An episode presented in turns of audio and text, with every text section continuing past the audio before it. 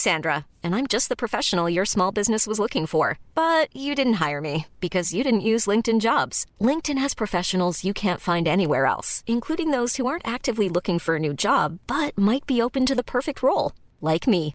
In a given month, over 70% of LinkedIn users don't visit other leading job sites. So if you're not looking on LinkedIn, you'll miss out on great candidates like Sandra. Start hiring professionals like a professional. Post your free job on linkedin.com/people today. Mom deserves the best, and there's no better place to shop for Mother's Day than Whole Foods Market. They're your destination for unbeatable savings, from premium gifts to show-stopping flowers and irresistible desserts. Start by saving 33% with Prime on all body care and candles. Then get a 15-stem bunch of tulips for just $9.99 each with Prime. Round out Mom's menu with festive rosé, irresistible berry chantilly cake, and more special treats. Come celebrate Mother's Day at Whole Foods Market. Since 2013, Bombas has donated over 100 million socks, underwear, and t shirts to those facing homelessness. If we counted those on air, this ad would last over 1,157 days. But if we counted the time it takes to make a donation possible, it would take just a few clicks. Because every time you make a purchase, Bombas donates an item to someone who needs it. Go to bombas.com slash ACAST and use code ACAST for 20% off your first purchase. That's bombas.com slash ACAST, code ACAST you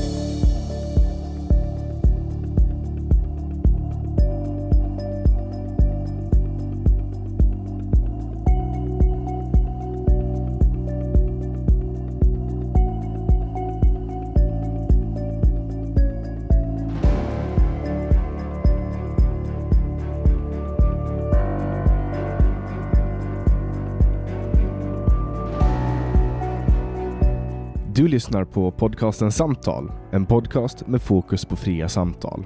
Den här podcasten presenteras av tidningen Bulletin. Om du vill få tillgång till samtal sju dagar före alla andra så kan du gå in på www.bulletin.nu och bli prenumerant. Då får du också ta del av hela Bulletins premiumutbud. Kom ihåg att Bulletin också finns som app till både iOS och Android. Länkar hittar du i beskrivningen till det här avsnittet eller på min hemsida www.samtal.ax. Jag släpper nya samtal alla onsdagar året runt och jag tar tacksamt emot tips ifall det finns någon du vill höra i podden. Idén bakom podden är att fokusera på fria samtal. Jag tror att öppenhet är grunden för det demokratiska samtalet och jag vill uppmuntra dig som lyssnar att exponera dig för samtal med någon du inte håller med. Jag heter Jannik Svensson och du lyssnar på podcasten Samtal.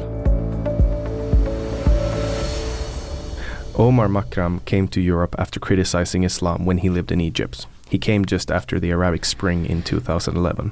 He's a co-host of the Swedish podcast Sista Måltiden. Welcome here, Omar. Thank you very much. And today we also have a co-host, Taimas Gafari from the Swedish podcast Lounge Loungepodden. Welcome here as well. Thank you very much. And now, if since you're a co-host, you're not you're not a guest, you're a co-host. Then you have to say welcome to Omar as well.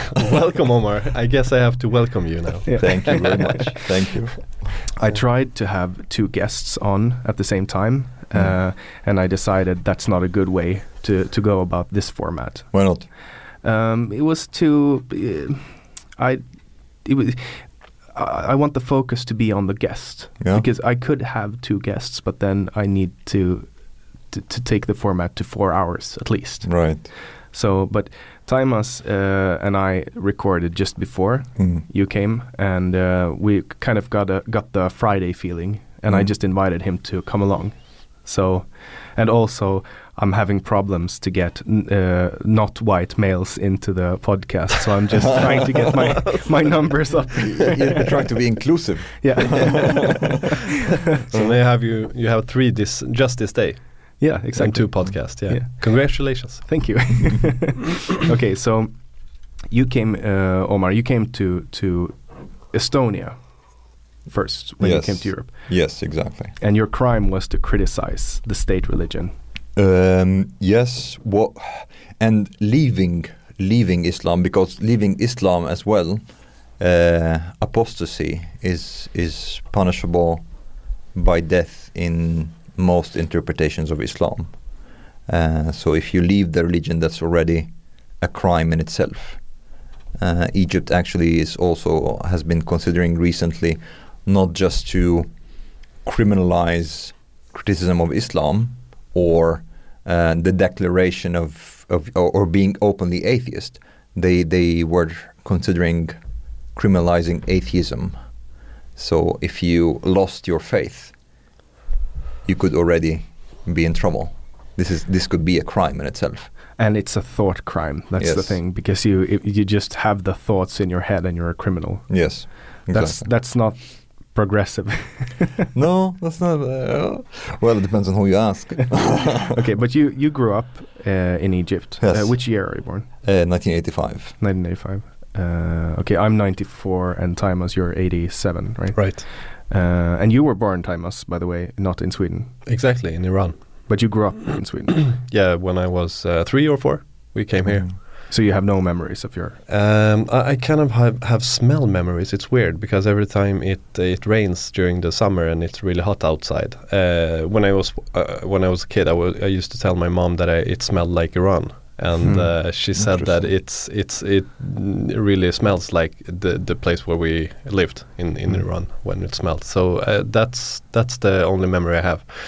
And I've noticed uh, afterwards, or I have heard afterwards, that smell is one of the um, strongest senses we have. Okay. Yeah, yeah. So, so I've read. But but do you do you see yourself as Swedish? Uh, maybe it's a little bit different for you, but most of the people who are immigrants here that came, you know, during uh, childhood, uh, they say almost everyone says the same. When we are uh, talking to our parents or or or uh, uh, our relatives in our uh, other country, we feel like Swedish. Uh, we don't feel like Iranians, and in Sweden we don't fully feel like Swedish. Uh, so we we're kind of in a uh, mellanförskap. Yeah, it's I, I kind of have the same with being from Åland Islands, uh, which is a like a an island between Finland and Sweden. We belong to Finland, uh, and we have Finnish passports, but we speak Swedish. Right. So I kind of have hard placing myself in, Uh-huh. in one of those categories. But do you feel like Egyptian? Uh, actually, it's something pretty similar to what you said, Thomas. Uh, I, I think I also, from from the Egyptian perspective, I'm very much not Egyptian, perhaps, because Egypt is a very um, traditional and religious country, and I'm very not traditional or religious in that way. Um, but also,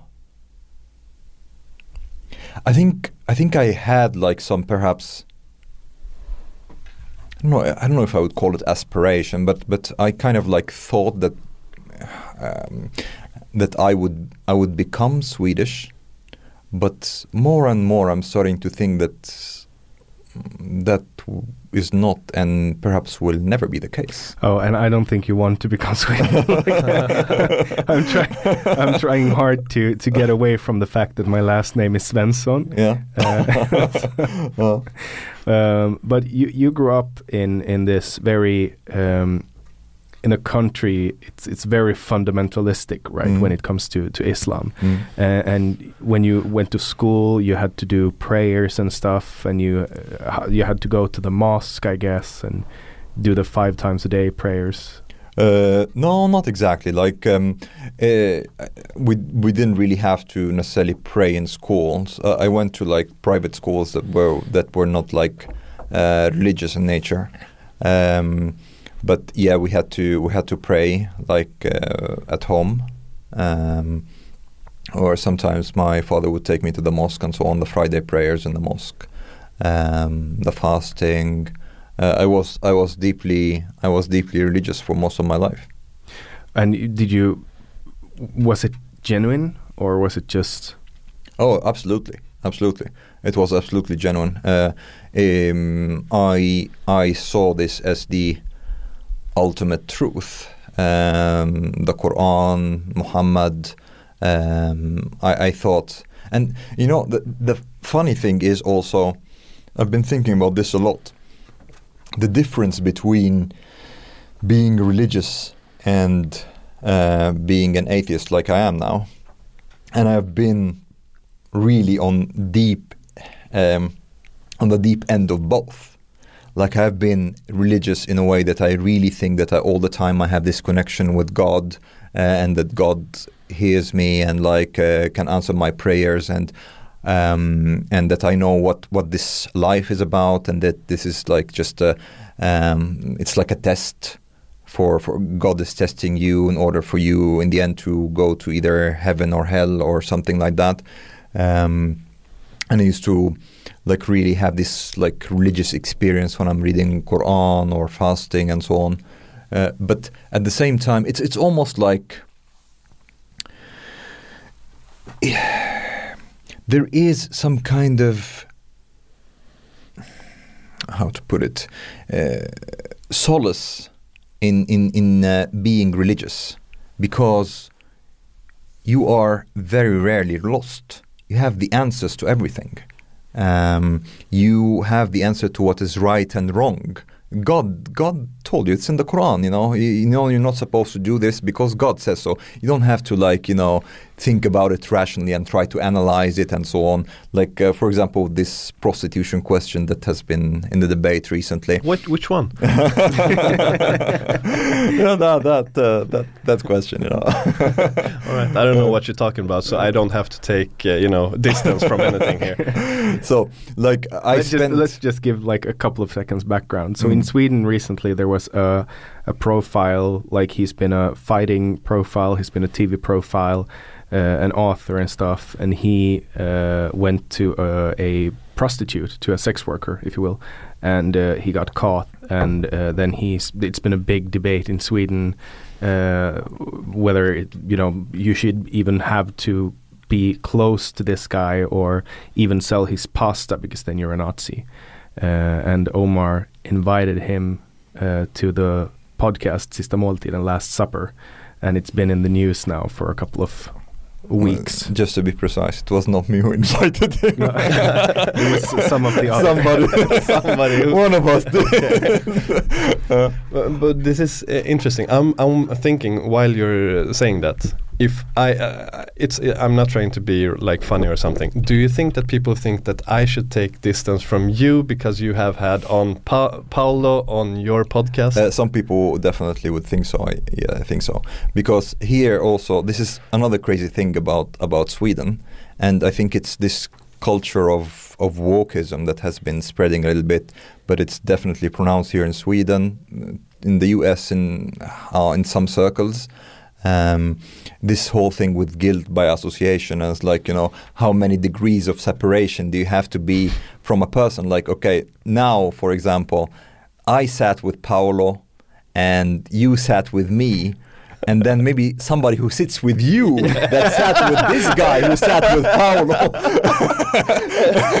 and you know what? Uh, you just figured out why Swedish people are so lonely and everybody is so separated. could be could because be. nobody can, you know, nobody can sit with anybody.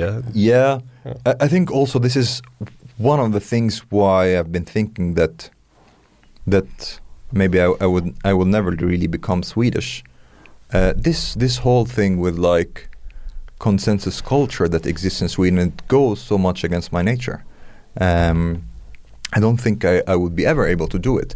And the funny part is, I've noticed that Swedes get disturbed by people who don't want to conform to the consensus culture. Mm.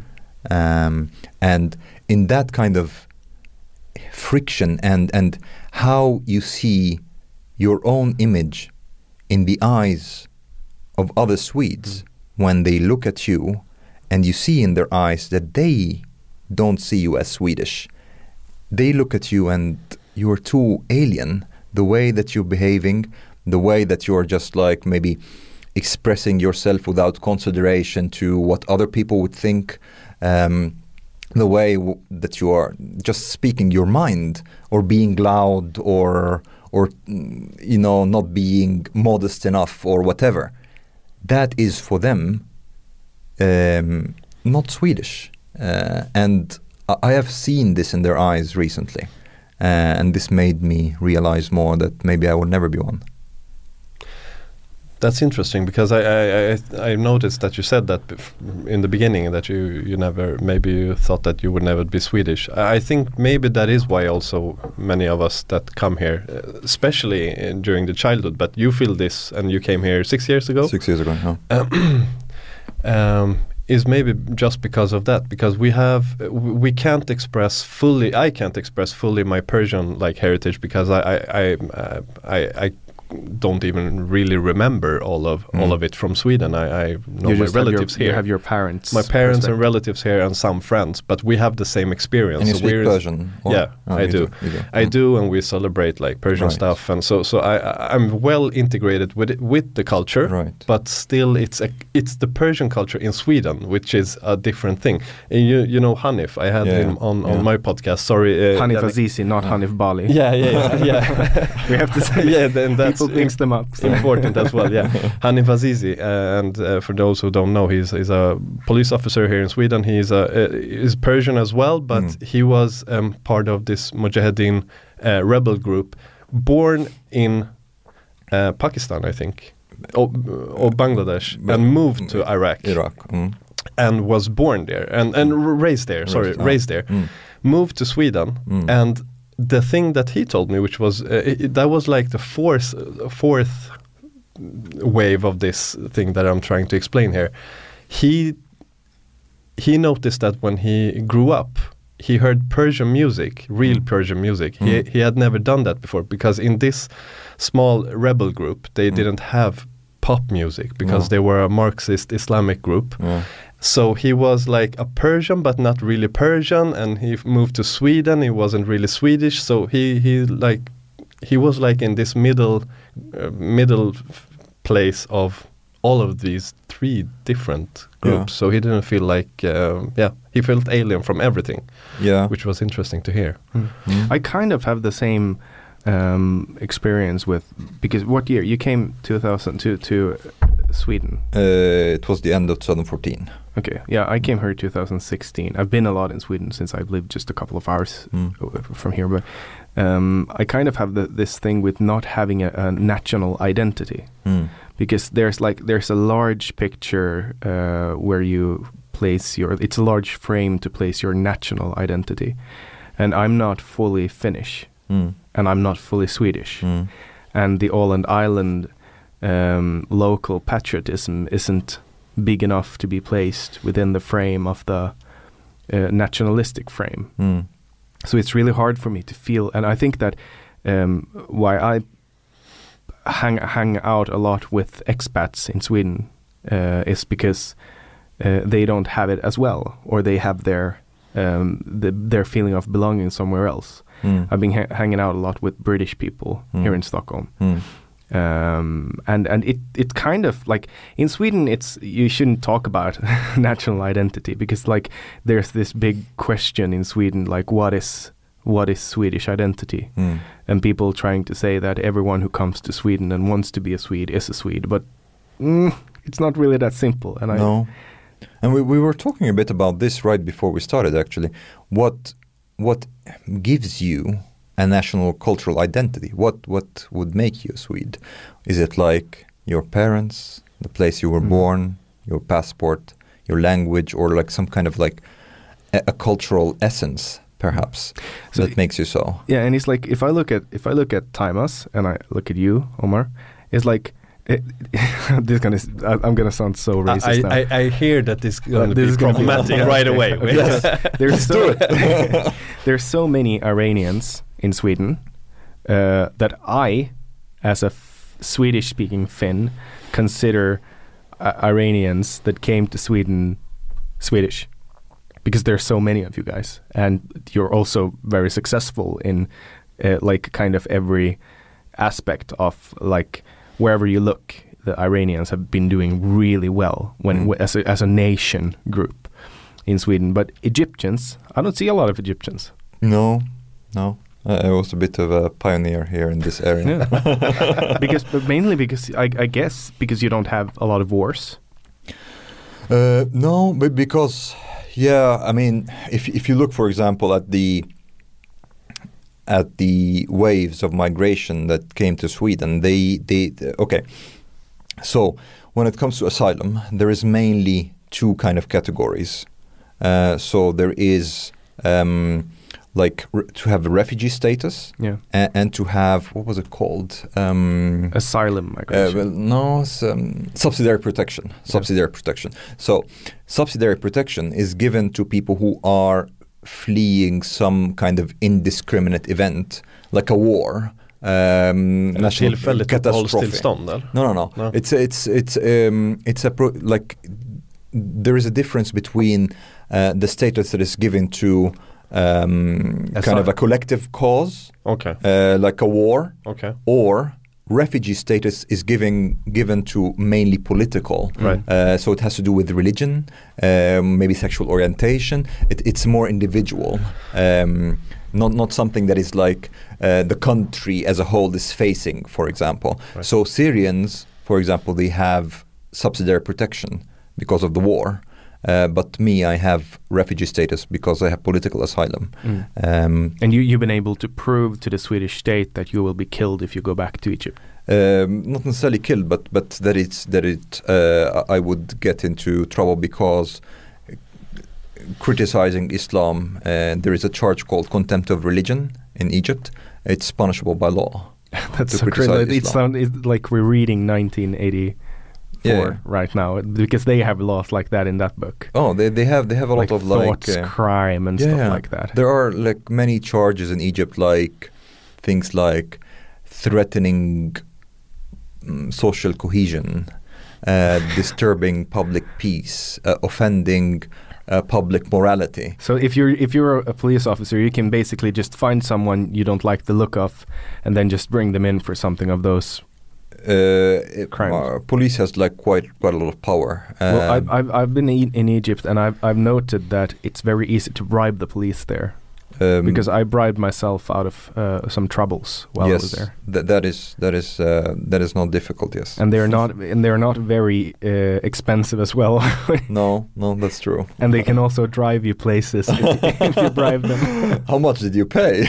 well, it wasn't much, you know. okay. No, but uh, yes. So the the police, uh, Egypt is a is in a sense, i it's both a draconian and a lawless country. So the rule of law is not very strong there, but at the same time, the punishments can be really also draconian in nature. Like uh, the judge can can send someone to prison for putting their um, religious views on Facebook as atheist, for example. Wow. That already can send you to prison. Um, So how how did your crime? Can you tell us about your crime in Egypt? yeah, well, it's actually the thing is, I, I was I was not that vocal about my views in Egypt. This was uh, depending on how you look at it. It, it was by chance, whether it's good luck or bad luck. In retrospect, difficult to say. Um, but uh, basically, I was I was speaking with like a, a colleague of mine about my religious views, uh, about my views on Islam uh, at a cafe, and then we we were overheard by some people, and we, we got into a fight, and they threatened me, and in the end, You got and into a fight with the people who overheard you. Yes, yes. Uh, they they came to us and then they started to like uh, they were really aggressive about um, because in Egypt also in contrast to Sweden people in public places they are very loud. So it's not like you're sitting at your table and just like having like it's like everybody's having a multiple multiple conversations in the same place. And anybody can like tune in to a part of the conversation and then yeah. Yeah. so And you were just saying how how, how you left Islam or how you yeah I, I was i was um, you know like uh, saying very nice things about allah and muhammad and, and so on um, yeah was it like you said like was it really bad? Was it like I hate the Islam, I want to burn the Quran and fuck Uh, Muhammad and stuff like that? Uh, well, it was bad. Uh, w- one second, Taimas just have to uh, ta avstånd Yeah, from me. I'll take. The, I'm distancing myself from you guys. So continue. it, it was it was bad yes. Maybe not exactly what you said but like i similar things. I was expressing my extreme dislike towards allah and muhammad and islam uh, in, in in many words.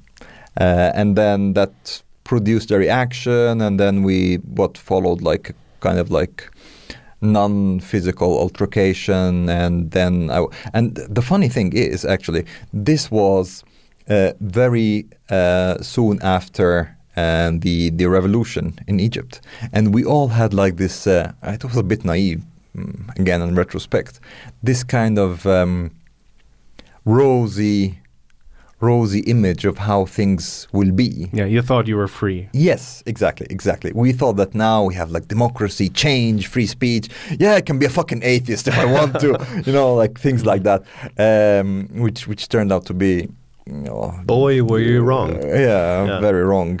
Uh, they, did the authorities get in touch with you? uh, yeah, well, like did they se- say sent someone with a with a gun or like No. or a Well, letter like uh, in Sweden? okay the thing is also this this was but the, the thing is i also got like somewhat somewhat yeah intimidated so maybe this kind of like clouded my judgment as well but it was me who contacted them actually After But- the confrontation. Oh. yes Okay. yeah bec- because i was threatened and like you know like i said What I, did they threaten you with? Did they say that you, they would?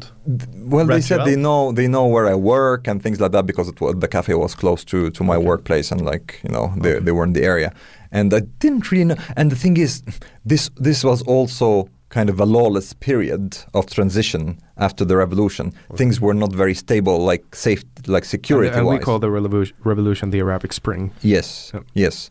Uh, things were not that stable security-wise. We had just like gotten out of actually a very. Um, there was a period of lawlessness where the police was not there anymore, and we had to organize like you know neighborhood watch. And uh, I, w- I remember I was at some point.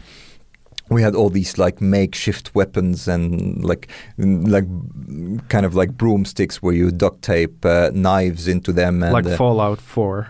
Yeah. yeah, and Molotov cocktails, makeshift Molotov cocktails, and we're taking like turns and things like that to protect our homes. And But uh, you, uh, were you threatened, physi- threatened physically at any time during that lawlessness time?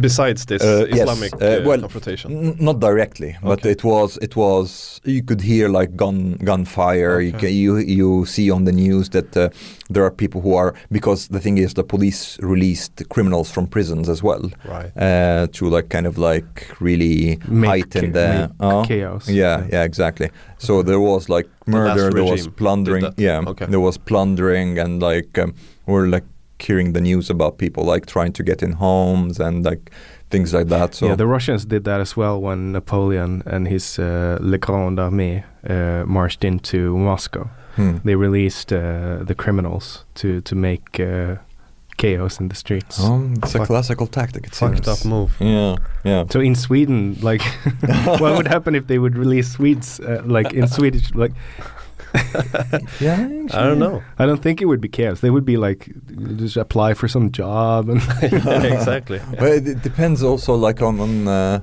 yeah what what kind of criminals I guess. Yeah. Uh, but yeah, so so the thing is, like, it was me who actually went to the police, and the thing is that this is also another thing that is it's a bit complicated. The, the picture in Egypt and the Middle East is really very complicated because the regime actually kind of like hate Islamists.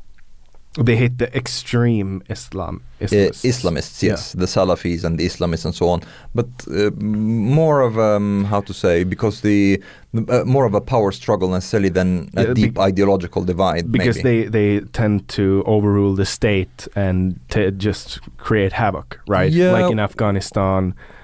And well, not necessarily that. It's it's- Hamas. Yeah, but but it, it, it's it's mm, from the point of view. Okay, so here's the thing: in Egypt and the Middle East in general, there has always been just two forces: the Islamists and the military. These are the two forces that exist to compete for power, uh, and whenever one of them comes comes to power, they oppress the other, but also they oppress any kind of democratic or civil society or anything like that. So there has always been just these two um, and and they have this rivalry. So one with guns and one with prison ships, and, but they both like hate democracy. Yeah, you can say so. You can say so. They they both hate democracy and hate each other.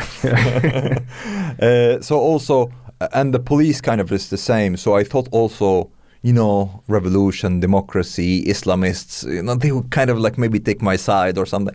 Plus, I didn't think that I would really have to get into the details. Uh, of of what happened necessarily, I would say I, I was threatened by some Islamists. You thought And- that the police would uh, guard you. Yes, they would take my side. Yes, Yeah, but they didn't. no, they didn't. What did they say? Uh, well, they actually they threatened me instead after. So after you, the, you, you, what, what what did you t- say to the officers? You went to the police station. Yeah, uh, and and basically I, I said that I was like threatened with these people who are probably Islamists, uh, and uh, it was at a at a cafe and so on, and they they said that they knew where I was working and so on, and I got like really very hostile, yeah, vibes from them, um, and. Uh, and what followed is that they wanted, which is in retrospect also understandable, they wanted to know the details of what happened. and this is where things got complicated. uh, because then I had to explain what I was talking about. Uh, why did these people get provoked in that way? Uh, and and then when I did, and when I mentioned that it had to do with my, you know, me being critical to Islam, uh, then the like the the police officer he got provoked and he said like, uh, you know, the, the- it's you who should like end up in prison in this case and so on. And they, they didn't try to arrest me or anything, but he he said that we will start an investigation and that this is like you know this is like blasphemy or contempt of religion, and I could end up in prison. Um, and I was lucky actually that I was gotten out because there was a, a case very very similar to mine that I read about afterwards, but the guy did not come out of the police station. They they arrested him Shit. then and there, and th- this is like also why it can get like it's it's a bit random also in Egypt. Mm. Uh, there Depends isn't on which police. mm, police. yeah, or like just like maybe the mood of the policeman, Right. or like whenever whatever he's not feeling like it, or Right. it, there isn't like these hard rules because they have this like you know um, they can do whatever. Uh, a- a- and they don't really they're not really held accountable anyway so it's up to them um, so yeah um, Wow.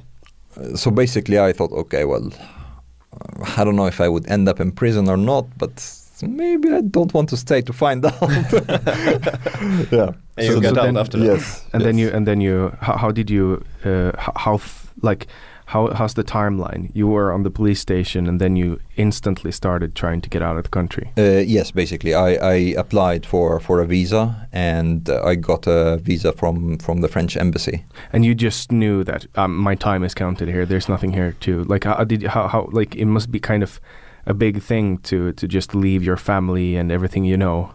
Yeah, yeah, it was. It was uh, a big thing. Yeah, it is a big thing, but at the same time,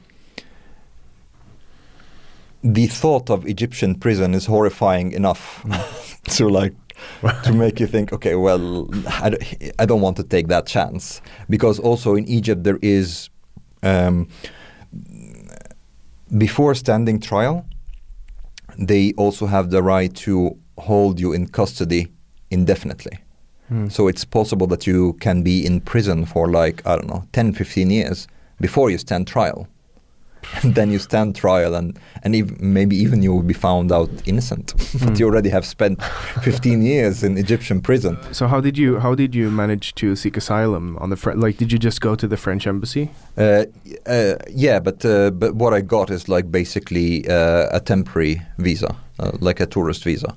Oh, okay. Um, you said you were going to do studies or something. Like uh, that. just like tourism because this actually was not my first time in Europe. I used to travel quite often back and forth for vacation um, from Egypt. Um, so that that also made it easier because it's not easy to to get like um, uh, Schengen visa um, if you hadn't had uh, if you hadn't been traveling before. Mm, You came from the police station, and they but they didn't think of like calling the um, like m- like taking your passports, stuff stuff like that? Uh, the police, Yeah. you mean? No, no, no, no. no. Well, th- again, this is why there can be uh, another case. I can't remember the name of the guy exactly, but uh, another case w- that was also similar to mine. The police took quite a long while until they processed that guy and like arrested him. Uh, I think it took it was close to seven months or eight months or something like this. So, uh, yeah, it is still possible that if I had still been there, that I would have been like arrested eventually, um, and especially if if I had started being open about my views more, Mm. then this would be just like a matter of time. Because they're also the, like any any it's, it's not just the state. Any citizen can also uh, report you and if if they charge you with blasphemy then the court will have to process you Mm. you see um, so anybody who knows about your views uh, or my views uh, and then goes to report me to the police i will have to be processed uh, and if i would go to court then So if you don't like someone in Egypt, you can just you and the guys can just like me and Taimas like uh, we don't like this guy. Let's just let's just report him for blasphemy. if you, if you can prove it like for example let's say or we were witnesses. we heard it. We heard. yeah but it can be like even even worse for example if he has on his facebook something that um, you know uh, criticizing islam or like uh, uh, or even like that guy who had like um, religious views atheism uh, that would be a done deal Mm. like if you go report him and say well see he, he's on his facebook page he's an atheist that would be it And and then you came to to France to to estonia to Uh, Estonia. yeah because it's schengen visa so like you can Okay, go anywhere okay, and how, yeah. why, why why Estonia? Uh, Because of the econ- the economy. That's that's a good question. Um, okay, here's the thing. Uh, first, uh, I had like several things that I that I thought as like uh, criteria. One, a country that uh, where I can kind of get by using English. So I looked up like which countries are more or less, um, yeah, have a high percentage of English speakers. Um, I really also like that Estonia is like, uh, or Estonians are the most irreligious people in Europe. This also was something that's interesting for me. Interesting. Mm. I didn't know that. Yeah. Uh, it's also like relatively cheap compared to well, you know, Western Europe. And another thing, I realized that Estonia. I can't remember if it had the lowest, or well, one of the lowest sex ratios in the whole of Europe. So they have more, like significantly more women than men. And I was like, huh, that's that's interesting.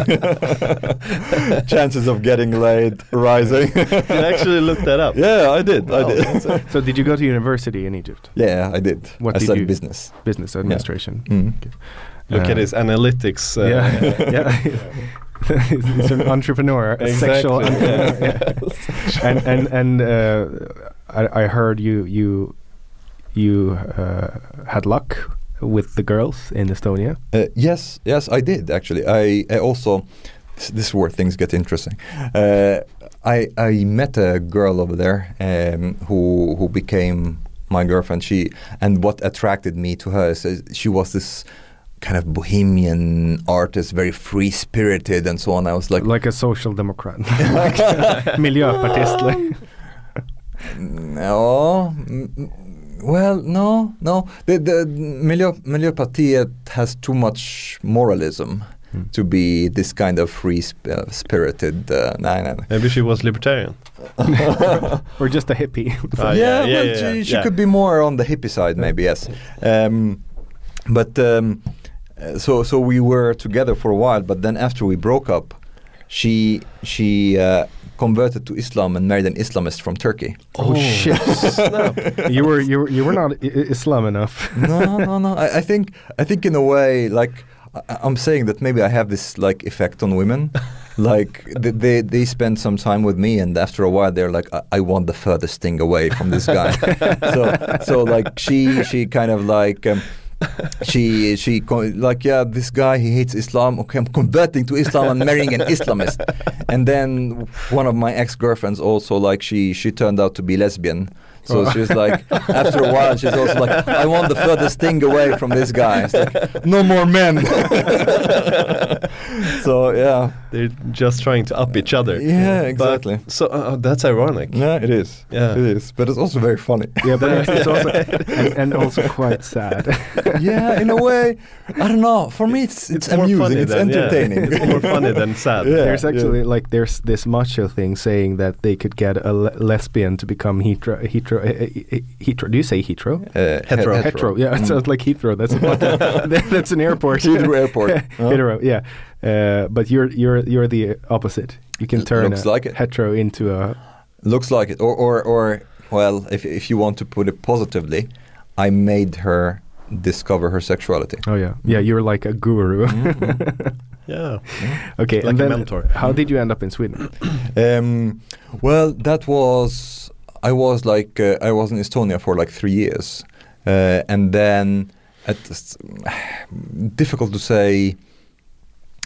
Like um, yeah, you know, like I got comfortable. I had a girlfriend. Um, You things- wanted you wanted to be able to speak Arabic on the street, and, and I was like, okay, but this because I was not there legally. Uh, my my visa has has expired. Okay. had expired at the time, and I was like, okay, what during this period also the the persecution of people who leave and criticize Islam has like really escalated in Egypt, uh, because like it's almost like the regime wanted to like um, how to say like uh, regain control, so they started to really clamp down hard on any kind of um, uh, signs of like free thinking. Anything that comes out of the norm they try to like right away go in and like uh, repress it uh, so i was like okay well there's no way i'm going uh, back to egypt now especially since i had also started to like be more and more vocal about my views on islam on social media um, and i was like okay the estonians and the whole like ex-communist countries they're not really big on the whole asylum thing and uh, then I saw uh, Fredrik Reinfeldt in the news. I was like, Seriously? "Oh, open your hearts." And I was like, "Okay, I'm coming. Open it up big because I'm coming here. I'm coming." Oh, the so- open your heart speech. and this is a true story. yeah, it is. It is. Wow. Yeah, and I was like, um, all right. Uh, let's. Well, it it was not the only factor, but like it was basically he was a part of uh, uh, signaling, um, you know, you know, to people who are seeking asylum that Sweden is a country that is welcoming to refugees and asylum seekers. So I decided to head for Sweden. That was the last like last push. Yeah, y- you can say so. Uh, and I, I was thinking that, you know, I saw Sweden as this like, you know, haven of like um, human rights and and so on. And uh, and actually, the thing is, a lot of my, I would say. Uh, and this is also why it's ironic when it comes to like cultural identity because I think a lot of my views would be characterized or like my values would be characterized as Swedish. For example, I really believe Yeah. in gender equality, like um, gay rights, uh, free speech, you know, all the things that really characterize a liberal democracy. Right. I, I very much believe in them. It's just I think maybe the difference is that maybe I am not lagom. So it's it's like it's like I'm Swedish values on steroids. Yeah. and and la- lagom is the Swedish word for just about enough. Yes. Um, so so in that sense, uh, this is why also sometimes it's sad that I have come to realize that I will not be Swedish. Um, mm. Uh, just one, I I don't know if this is a good thing to say here, but or not. But it's a good tip to people who are seeking uh, asylum here. Uh, I have uh, friends who work Doors with migra- closed. no, no, with migration law. If they do exactly what you did, like uh, state their uh, sexual views or or political views or uh, religious views on Facebook, they pretty much get the asylum right away. That's one of the like main parts. There are a lot of uh, Iranians that come here because not there's a war or something like that A- at the moment. I think I, I mean 2021. Uh, it's because maybe they are gay or they have uh, drunk alcohol in uh, offentliga platser. What's Mm, it called? public Public public place. places. Um, or they are have said something against Islam, and Mm. when they put that on their Facebook page, they get uh, asylum right away. Well, the thing is, like, some people do, some people don't. It's like a lottery because I know a lot of people uh, also like who left Islam Okay. and uh, have applied for asylum here in Sweden. They're really struggling with it, even though they are um, public with their views. Okay. Um, so it's it's a bit of a um, Could it be a uh, timing lottery thing, as well? It's a gamble. Mi- You Yeah, might, it's you might as well go back to your country with that on your Facebook Definitely. page. Yeah, yeah, Like. Yeah. yeah, yeah. or, or burn the Quran like I did. Oh. Did you did you do that? Yeah. Did you burn it? Oh, you don't you don't know that? No. In Oh, Egypt. You don't know? No, here. So okay, this um, uh, this is where things get Well, interesting I've, I've heard. I've heard. About, now, now you're things saying keep it. getting interesting. Yeah, okay, yeah. All right. So, yeah. So uh, I- I came to Sweden and I applied for asylum here, and I just like you know I thought, yeah, like I have like a clear-cut case. Uh, I'm open. I'm public with my views about Islam, like the whole thing with the persecution of people who leave and criticize Islam. It's a, it's a big thing in Egypt. So, uh, and even Migrationsverket, they know about this. Um, and I was like, yeah, I would just like be truthful and say what happened and so on, and that's it, uh, and why I can't go back and and so on. Um, but things didn't go out, uh, go uh, like um, they didn't go as I thought. Uh, so So they wanted to send you back. Yes. So so Migrationsverket they they did acknowledge that people who criticize uh, or leave and criticize Islam are being persecuted in Egypt, but they refuse to acknowledge that I have left Islam.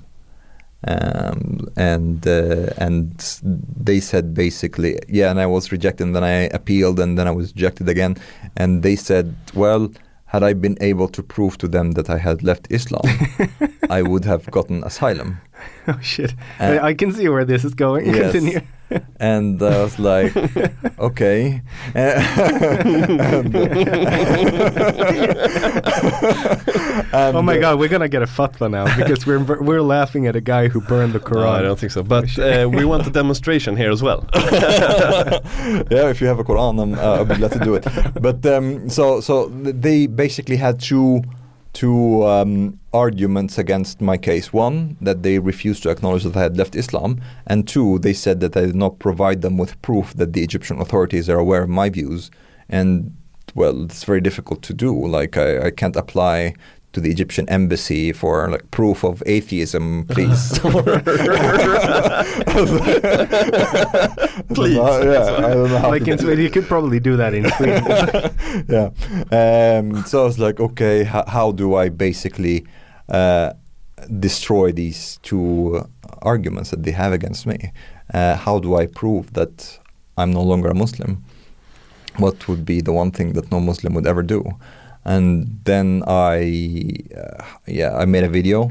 And where I talked about my views, talked about my case, talked about what happens to oh yeah, and you put this on YouTube. Yes. Wait, I remember wait. now. Yeah. I remember now. Yeah. okay, I haven't heard uh, it. and and uh, uh, about my case with Migrationsverket, what happens to people who leave Islam Muslim majority countries and and so on, and then I I thought, okay, well, the one thing that no Muslim would ever do, because some people say, well, you can just like drink alcohol or eat pork. No, there are Muslims who drink alcohol and eat pork. This is just Yeah. ridiculous.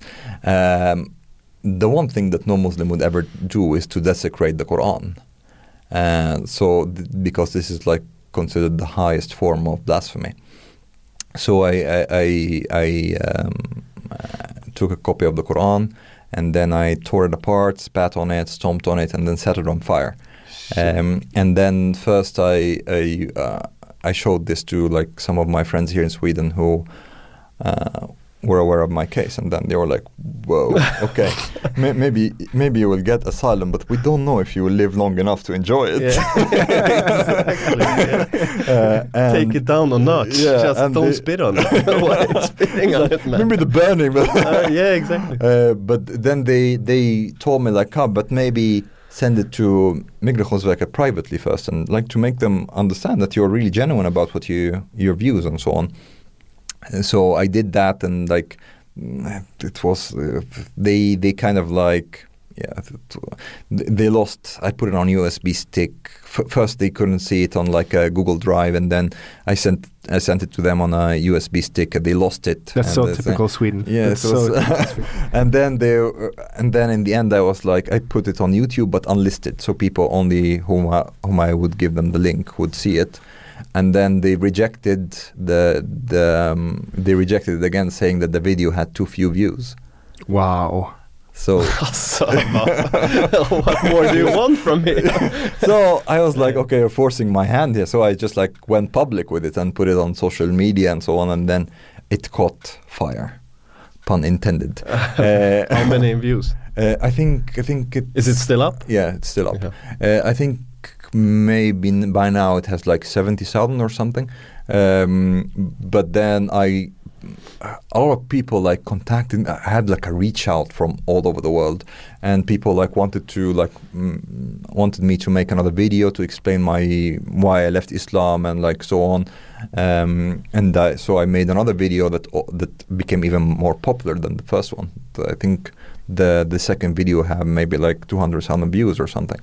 Um, and uh, yeah, it was it was also like very interesting that a lot of ex-Muslims from all around the world in Pakistan, Bangladesh, you know, Iraq and other Arab countries, they reached out to me and they thought that for them this was since they are still living there in the closet, for them this this was like um, a very An inspiration, kind of. yeah, Weird in a way, like it's a kind of yeah. act of rebellion Yeah, that yeah. kind of uh, they really they really liked it, uh, and like including ex-Muslims here in Sweden, and this is why I had started a group for ex-Muslims in Sweden because they also have a lot of problems here in Sweden being critical to Islam or being open about having left Islam. But anyways, so I, I made these videos and like I wrote some articles that were published here in Sweden as well. And then Migrationsverket were like, okay, whatever, just Fuck it, just say it here. just shut up and Just stay here. stay here, whatever. we'll believe you. But you kind of mm, did what what I said before. Put your statements on, on online, but you really but, had but, to but I fight already for had, it. But the, the thing is, like I had before also. Okay. Like at some point they were even like, they, well, the thing is, like Migrationsverket quite often it depends on like your case officer, but quite often they actually try to see things that um, they examine your case with the the purpose of finding things to reject your case, not Right. the other way around. Right. Um, and this was definitely the case with me. Uh, so that at some points they were like, yeah, but maybe like because I I was like giving them copies also of like my Facebook posts, like Twitter, things like that. And uh, at some point they were like, yeah, but maybe this is photoshopped. And I was like, but this is online. You can go, on, you can go and check. What, it's like the, like the, the level of laziness, and also they're not like really making an effort to like you know Yeah, with Like, the- like like people in working with authorities usually do. Yeah Like that's that's that's why we shouldn't have it, as many. That's your answer to everything. Yeah, Yannick. yeah. Yeah. like I was, I really like the rebellion thing where they had no laws and you know, Uh, uh, So that's yeah, interesting. Yeah. So so that uh, and then I I got my residence permit. Um, the s- soon it will be four years. No, it's not four years yet. so in one year you can apply for uh, citizenship. Um, in yes, Yeah. yes, yes. Uh, actually, no. In, in in June I will be able to. Like next month, Mm. I'll be able to because next month it will be exactly four years. So will you lose your? Will Egypt uh, delete you? What do you say? Like withdraw your? Uh, renounce me. Renounce. um, well, mm, I don't know. Um, But you have like a like a red alert. If you would go back there, they would take you on the airport when you landed. It's, it's it's very possible, and not necessarily because I'm such a big deal there, but also Egypt is a very it's it's a very weird country, but also in a way almost a textbook fascist country. Uh, th- th- there isn't this this idea of like you know um, that you have like legal rights or or individual freedom or things like that. They don't care about these things. So, for example, me going back to Egypt, uh, even if if my name would not really create any kind of like um, uh, not necessarily raise any red flags. Probably it would do, but even if it wouldn't, the there's always this kind of like very quick investigation when you're getting in. Uh, they're like, "Oh, wh- where have you been? Uh, what have you been doing?" Uh, and they'll be like, "You have been away for like ten years. What's up with that? Okay, come, let's have a talk." and then they will be. But I mean, like if you're you're, you're flagged in the system or something. yeah, but uh, maybe maybe maybe it is. But the thing is, even if I wasn't, Yeah. the, the the the already the fact that there is something there that is for them is suspicious, they would be. The, the, uh, Egypt operates very much on the just in case principle. Yeah. So they can send me in prison on just in case principle. So like I don't know, this guy. There's maybe where- there's something about him. Maybe prison. It- it's in the constitution, the just in case principle. Yeah, I was just I've- like uh, watching. Uh, have you seen Parks and Recreation? Yeah. Yeah. So there, there was this. Uh, I was watching this episode yesterday where they were welcoming um, some kind of um, a delegation from from Venezuela. Uh, and they, were- the guy there, the, the, the general, was talking about. He, he was shocked by how you know they ha- they're having this democratic assembly in the town hall and stuff, and like people are shouting and so on. And he was like saying, like in Venezuela, you do this, you go to prison. you you have a you book an appointment with a dentist, you don't show up, prison. We have the best patients. You you undercook. Um, The fish? uh, Prison. Uh, overcooked Chicken. fish, uh, Prison. prison. Undercooked chicken, prison. also prison. Uh, this is very much Egypt. It's so funny. You should see the clip afterwards. yeah, yeah. It, it's it's uh, so it reminded me very much uh, of Egypt because um, my my um, my sister was telling me recently about this this funny story.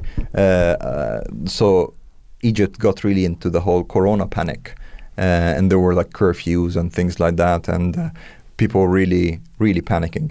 And um, in in the area where where my family is living, which is like um, a really good neighborhood, they there there were some Asian people, uh, and they were barbecuing, and then the neighbors, we got scared because you know bats, snakes, Asian Oh, people, you know, and then they called the police, uh, and then the police showed up, and they arrested the Asian people Just in case. just in case. Yeah, but but that's the thing. Like uh, they they arrested them because for them, and it, it's, it sounds so alien if you don't understand like how things function there.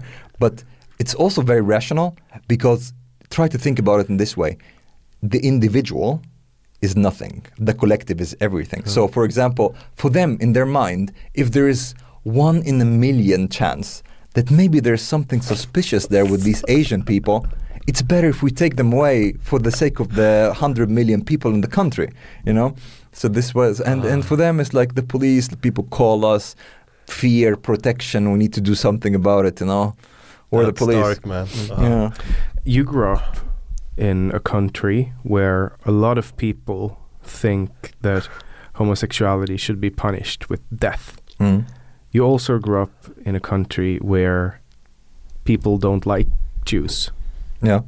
Can can we talk about the anti-Semitic traditions in Egypt? Whoa, this this could be a podcast on its own.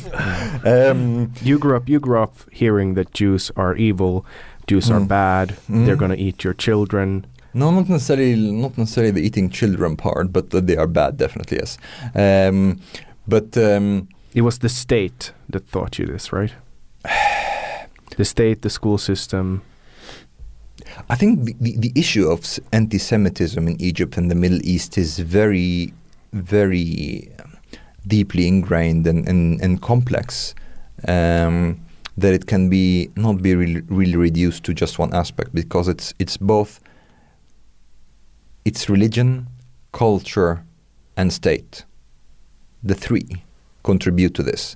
Um, so, for example, I remember that when I was like about 11, my aunt had asked me what I wanted to be when I grew up. Uh, and you know, like probably boys would say, uh, doctor, policeman, whatever.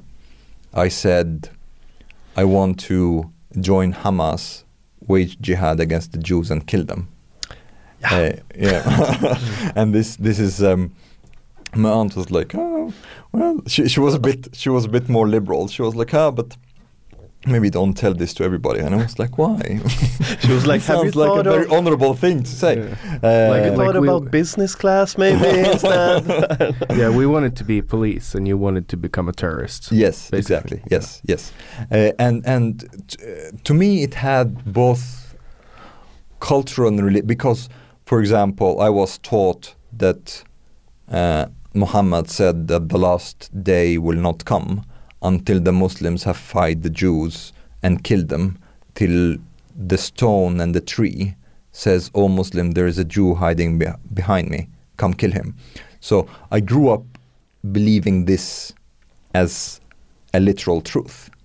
Like I thought this was actually going to happen before the end of days, that we the Muslims will battle the Jews, and it will In be some a kind of- genocide. Non ep- some epic battle where Yes, you would meet yes. up with sword, yes. not like gassing them in No, gas no, no, chambers. no, no. It's it, it's a battle.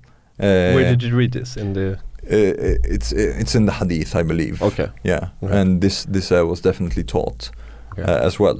Okay.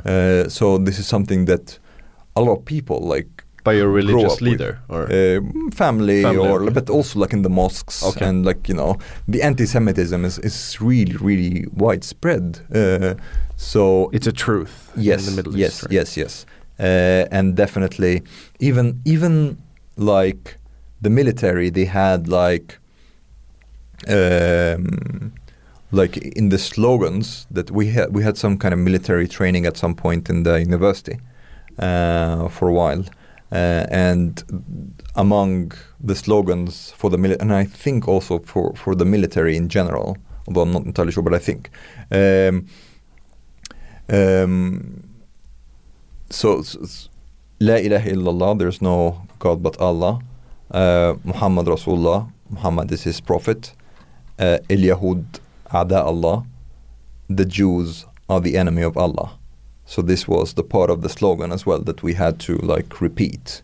Um, uh, and yeah, the mosques during the Friday prayers and.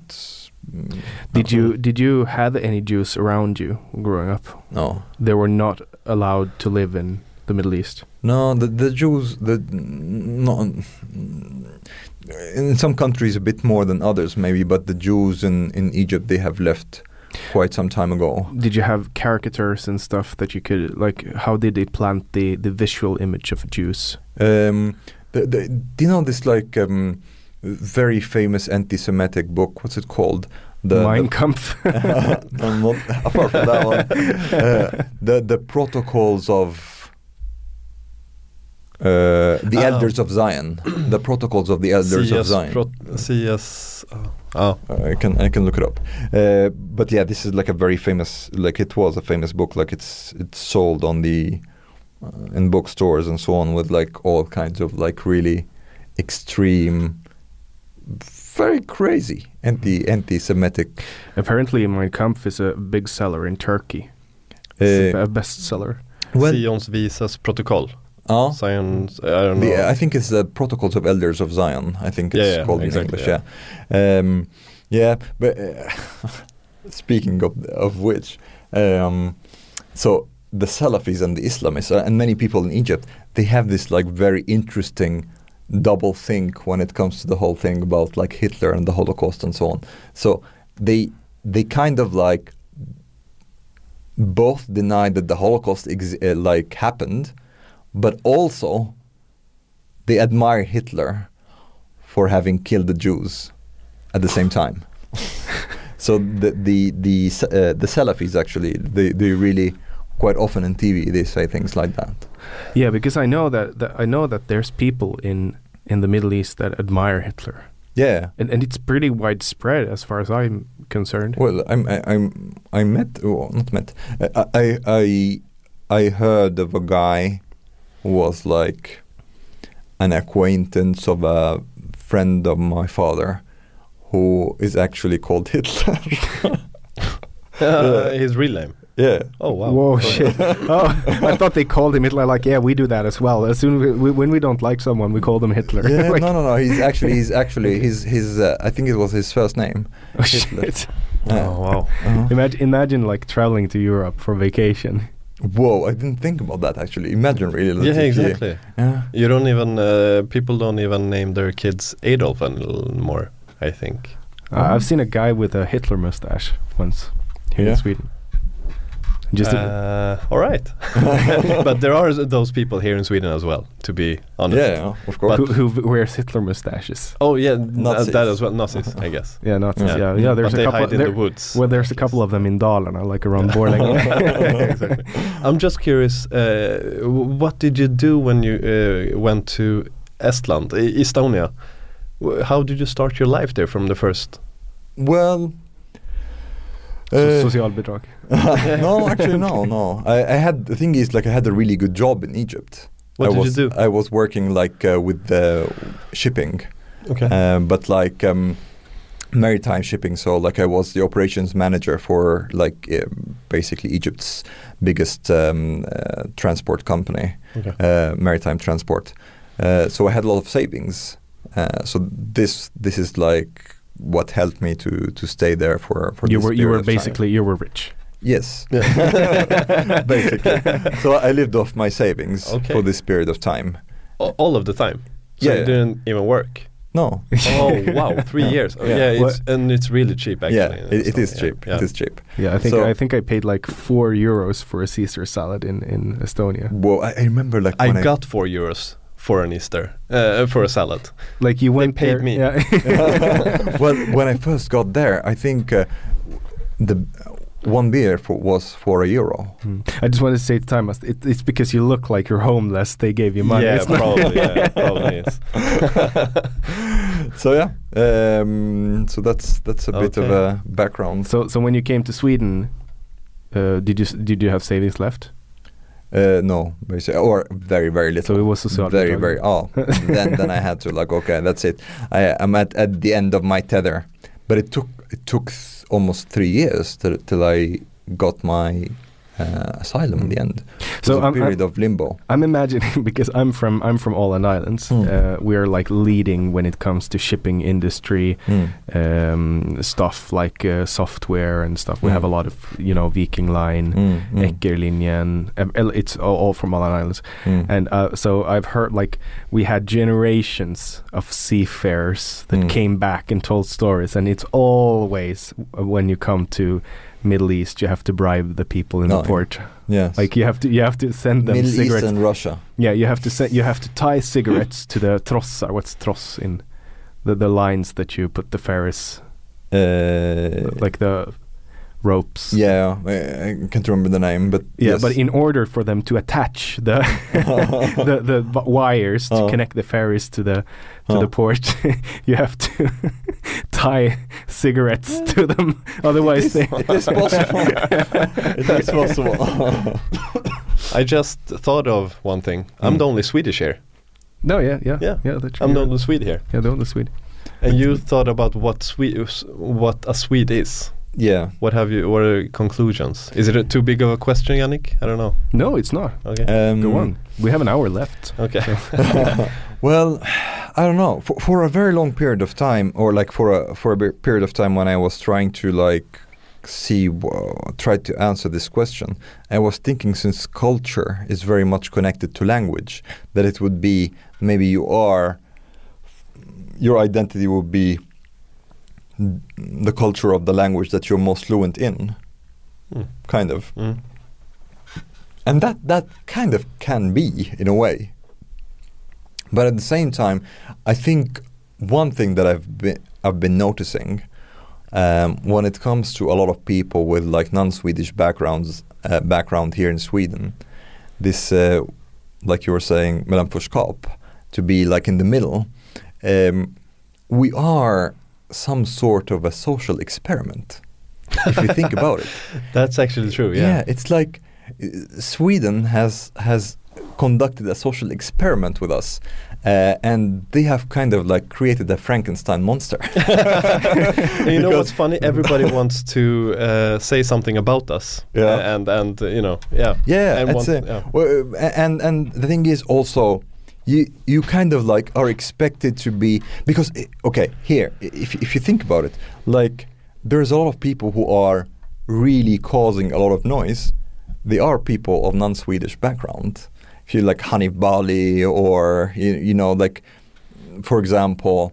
Uh, Luai. bo- uh, both both of the pods that that had Paolo on Navid- Navid Modiri. and, and the five of us in Sista Måltid and Right. also like non-Swedish background and Uh, Paolo as well. yeah, yeah, it's like the whole it's it's a whole mess of Yeah. like non-Swedishness that is. and we have Aron Flam, who is yes. Jewish. Mm-mm. Uh, And we have me. I'm not considering myself as one of you guys, but I'm still not Swedish. I would though say that Aron Flam I think is Swedish. yeah, yeah, yeah. He's Swedish, but Yeah. also like when you're Jewish, when you have a Jewish mom, then you're a part of the Jewish people. Yeah. So you can have an, you can be, you can be having a citizenship, but you're still. Uh, d- like you're still welcome in Israel, and that's Mm. that's if like Definitely has a Middle Eastern temperament th- that you could say.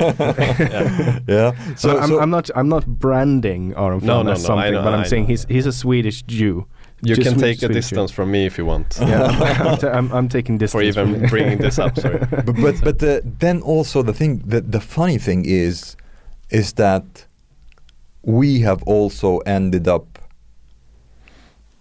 i- in different camps like people with non-swedish background so there are the people who went into like the woke anti-racist camp and then, then there are people who actually of also like immigrant background who really don't like this whole woke identity politics shit and the, we clash with each other then yeah, and they and they, they, they, there's examples. We, we brought it up. Luai Ahmed, he walked into the national camp and just sat down there by the fire, and now he's with them, kind of like. Mm. Yeah. But is that so weird? Actually, um, I mean, um, everybody are individuals because if we don't see us as the middle middle people or what we should call ourselves, uh, then we are individuals and we can, you know, debate from which either uh, ever side we want. So that that's I, I don't yeah.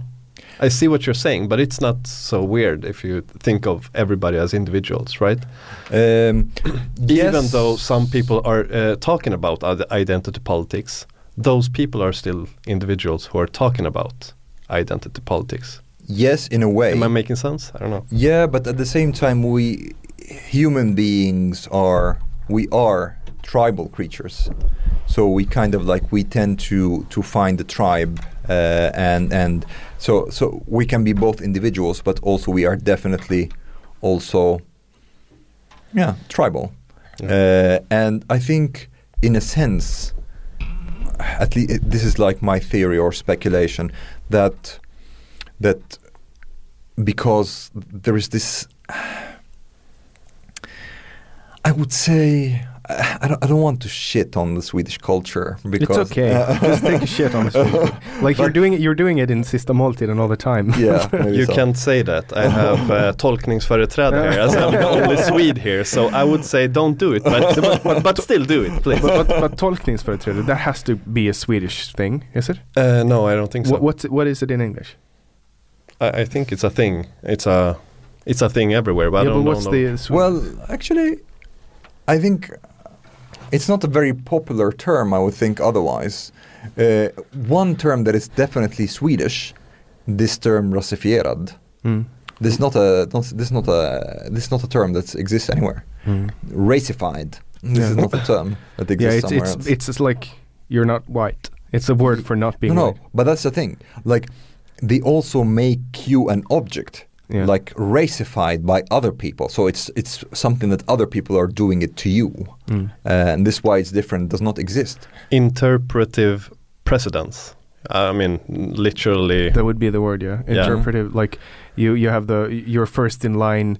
There's a line order in who can do the first interpretation of uh, uh, some someone saying something. Yeah. If if uh, I say something uh, uh, about Arabs, then you're the first one to to tell if it's you have the right to to judge it if it's racist or not.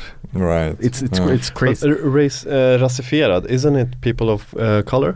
Yeah, yeah. I it- think it it is. is. It is, but not exactly because if you if you look at it linguist uh, linguistically, it is something that is Right. being done. So you are the object Right. of somebody placing that on you. So Right. th- it is actually a sneaky way of of how to say of pointing out your race. So so they, they are they are both pointing out your race, but at the same time in, in that term they are pointing out the injustice or speaking about racism that you are being racified Yeah. by other people. Yeah. Uh, which which also I think it's stupid and I don't like it. But um, All right, but isn't it uh, about how, how you use that term? Because I mean, a term is uh, pretty neutral in itself, isn't it?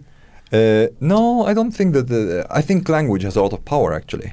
It does. Um, and and uh, and how how you how how you frame and how you use words can actually kind of like color the narrative of, about Yeah. what's happening. So you think uh, racified or rasifierad is problematic in itself? yeah, I think in so. itself, just the existence of the word. I I think so. Okay. Because because like for example, I let's say, I it it, it implies some kind of victimhood as a necessary aspect of the word. So if somebody would would tell me that I'm racified, so this person first he's saying that the, I'm being subjected to some kind of injustice.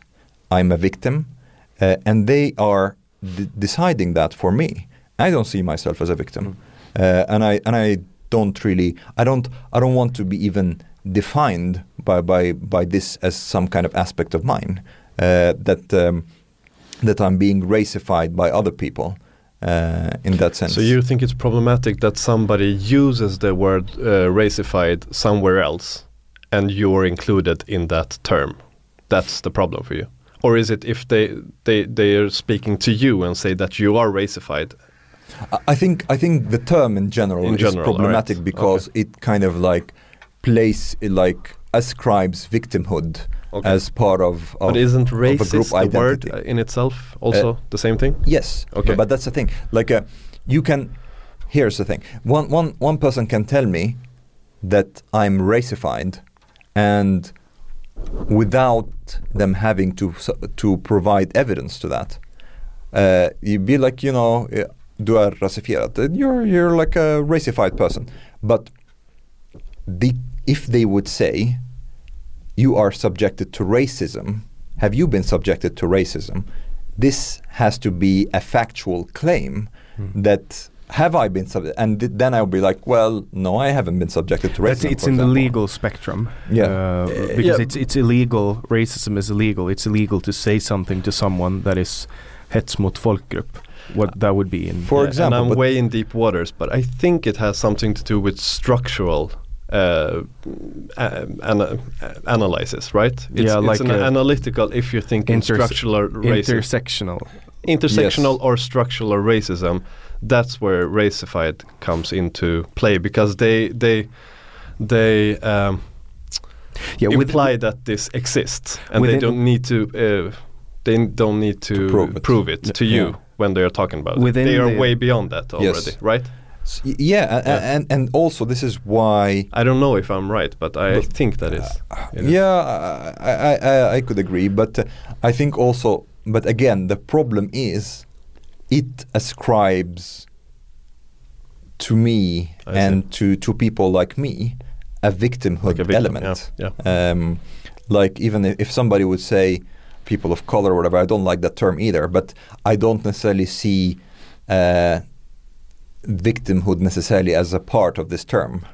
I see. That's interesting. Mm. I'm going to really think about that. Mm. That's really interesting. because within the intersectional uh, viewpoint, there's like one of the viewpoints is race, Mm. and I think that we've come further than having race analysis. Mm. Like we we live in like a Western democracy. We shouldn't be caring about race as much as we're doing now because I don't think there actually exists races between human. Mm. Um, How do you mean? well, we're all we're all Homo sapiens race. sapiens. Oh, oh, right, right. Yeah, Mm. and that's yeah, our but race. that's a difference because in Sweden we, d- we use the word ethnicity now, so we don't use the term race. But I think when we're speaking English, no, the no, but race is the in right Sweden term, right? they they use rasifiering all the time. yeah, Men yeah, inte ras. no, not r- Well, well, ras. it's rasifierad. That's it comes from the. yeah, Yeah, I it does, it does. understand, but- But, but, uh, it's the same thing. Like ra- saying uh, I am r- jag är rasifierad. You're- it's saying that But, but, but this is exactly why they use that word because they don't want to use the word race.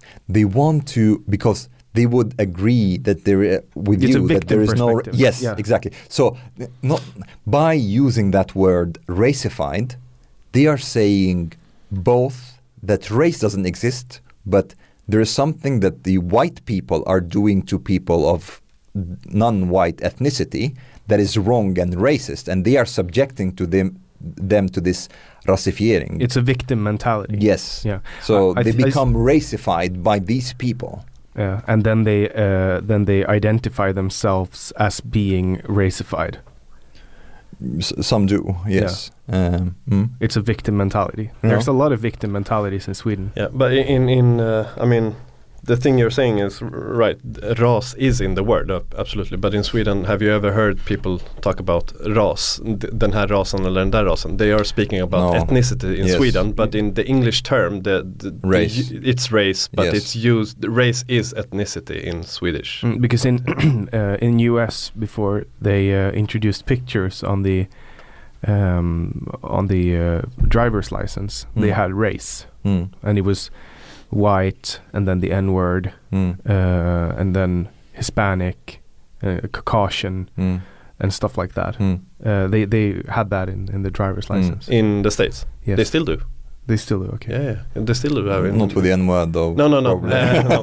Black, I think, is the word now. But they still have uh, they have statistics about you know. And the funny thing is, I, I've just heard this a few days ago that uh, Arabs go under white in the U.S. Do they? Yeah. so uh, Caucasian. I think they used the word Caucasian, Cauca- yeah, yeah, Caucasian. Caucasian, yeah. Mm, They go on the Caucasian, and Yeah. uh, I, I, they explained to me why. I couldn't rem- remember that, but yeah, they're having a having a hard time to exclude you guys. But probably Iranians do, no? Uh, Iranians as well, yeah. yeah, Middle Eastern, yeah. I think overall, Yeah, I think could are be. yeah Because we're not Latino, we're not uh, exactly. yeah, yeah. black and Yeah. yeah. You're Do you all- see all- yourself olive as Arab or Egyptian? Um, again, cultural identity. Uh, Doesn't matter. You know, for a long while, I'm, I'm going back and forth. I He's think. nothing. He's uh, nysvensk. Okay? Let's just leave it there. I think I think I've been going back and forth from being like very individualistic, but at some point actually it would be good perhaps to like feel some kind of like group belonging in a way sometimes. Um, but but but I'm I'm starting more and more to think that maybe the group belonging that I would have here in Sweden will be with non-ethnic Swedes who kind of like Mellanförskapet. Oh, Mm. in a way, in a Mm. way, people who are a bit because there are there are a lot of things that I like about Swedes, including like maybe rationality and so on, except when it comes to uh, maybe um, things that have to do with like women rights. Sometimes they they or sex they get a bit too irrational. Um, but uh, apart from that, um, there's a lot of rationality that I really appreciate, but it comes with some kind of like timidness and a fear of conflict and some kind of like extreme level of conformity and that you have to really really not kind of uh, how to show off yourself to other people don't Express like really yeah fully, don't yeah. express yourself Mm. don't be don't be too much Yeah. you have to be like you know take it down a notch all the time and that i really don't like because this comes actually with the very very big um, component of self-censorship that I think that it's very very damaging to liberal democracies um, and and also there is this there can be this passive aggressiveness like even if somebody doesn't like you they don't tell it in your face and like you know They write a note. Yes, Yeah. or like you don't get invited, or like, but but quite often, like with with people of of non-Swedish background, there is like a bit more openness. Uh, like we can get loud, we, things can get a bit heated up or whatever, but at all the time you kind of know where you have the person. Um, That's funny because in a sense it's a parallel culture.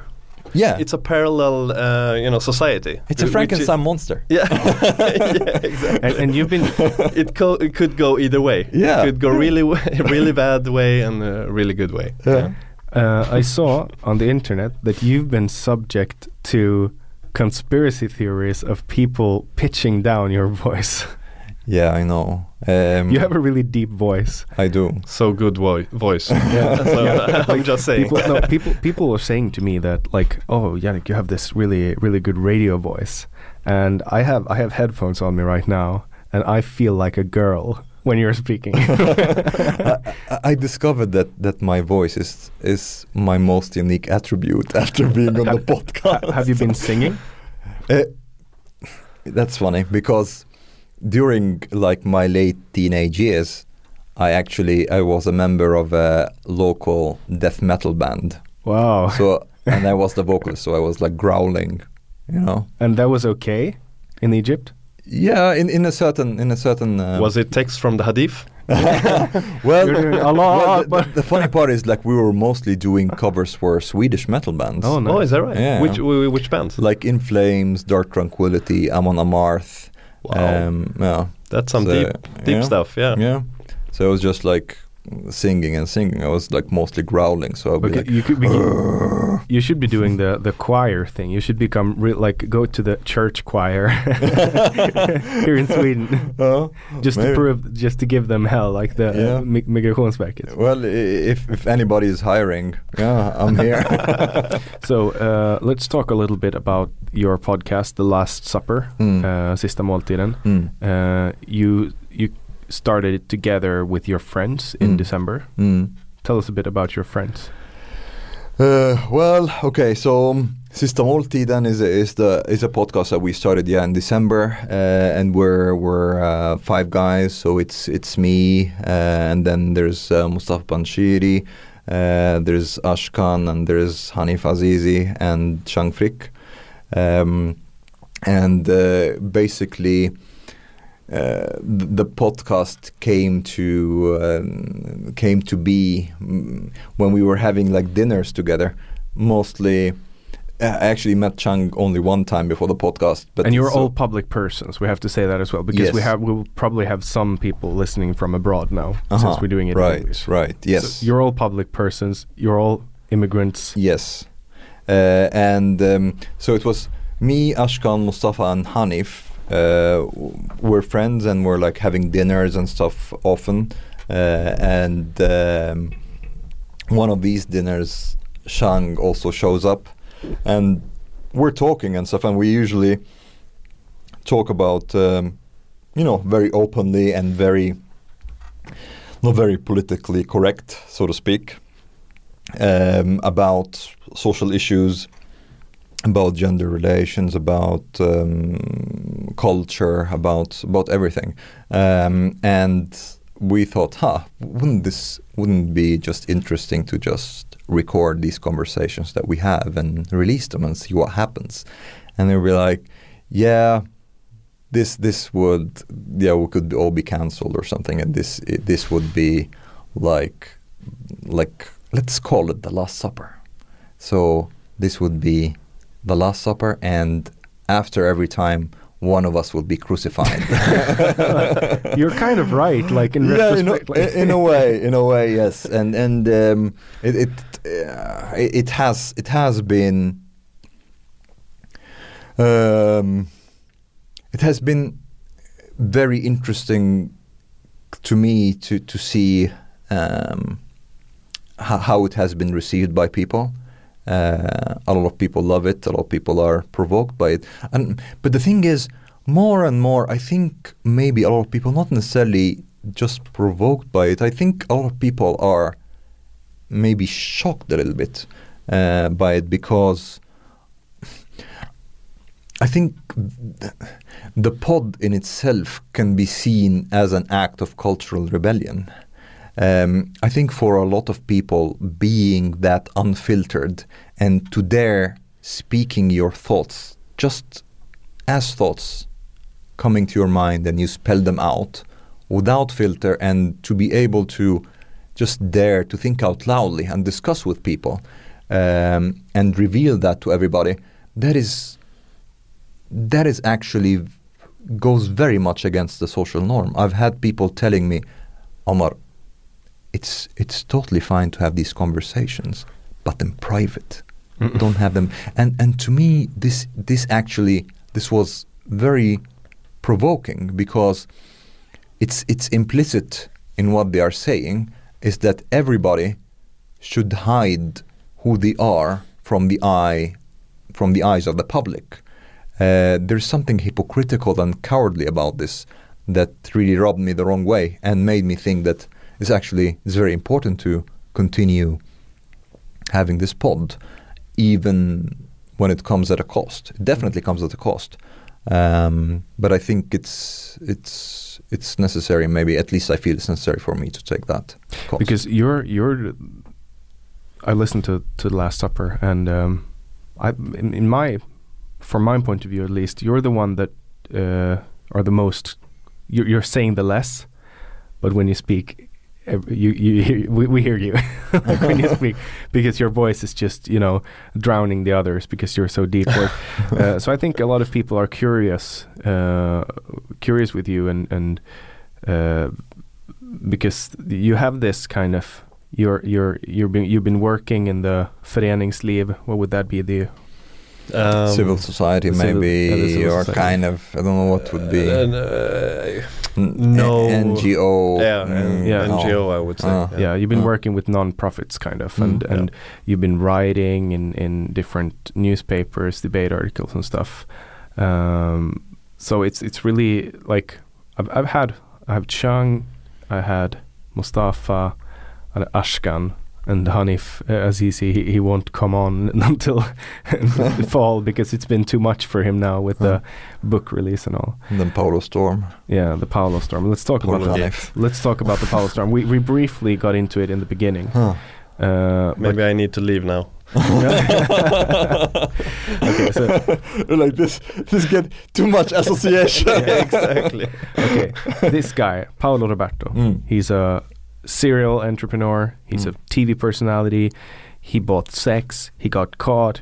He went on an interview with a with the TV, and it's been quiet for a year.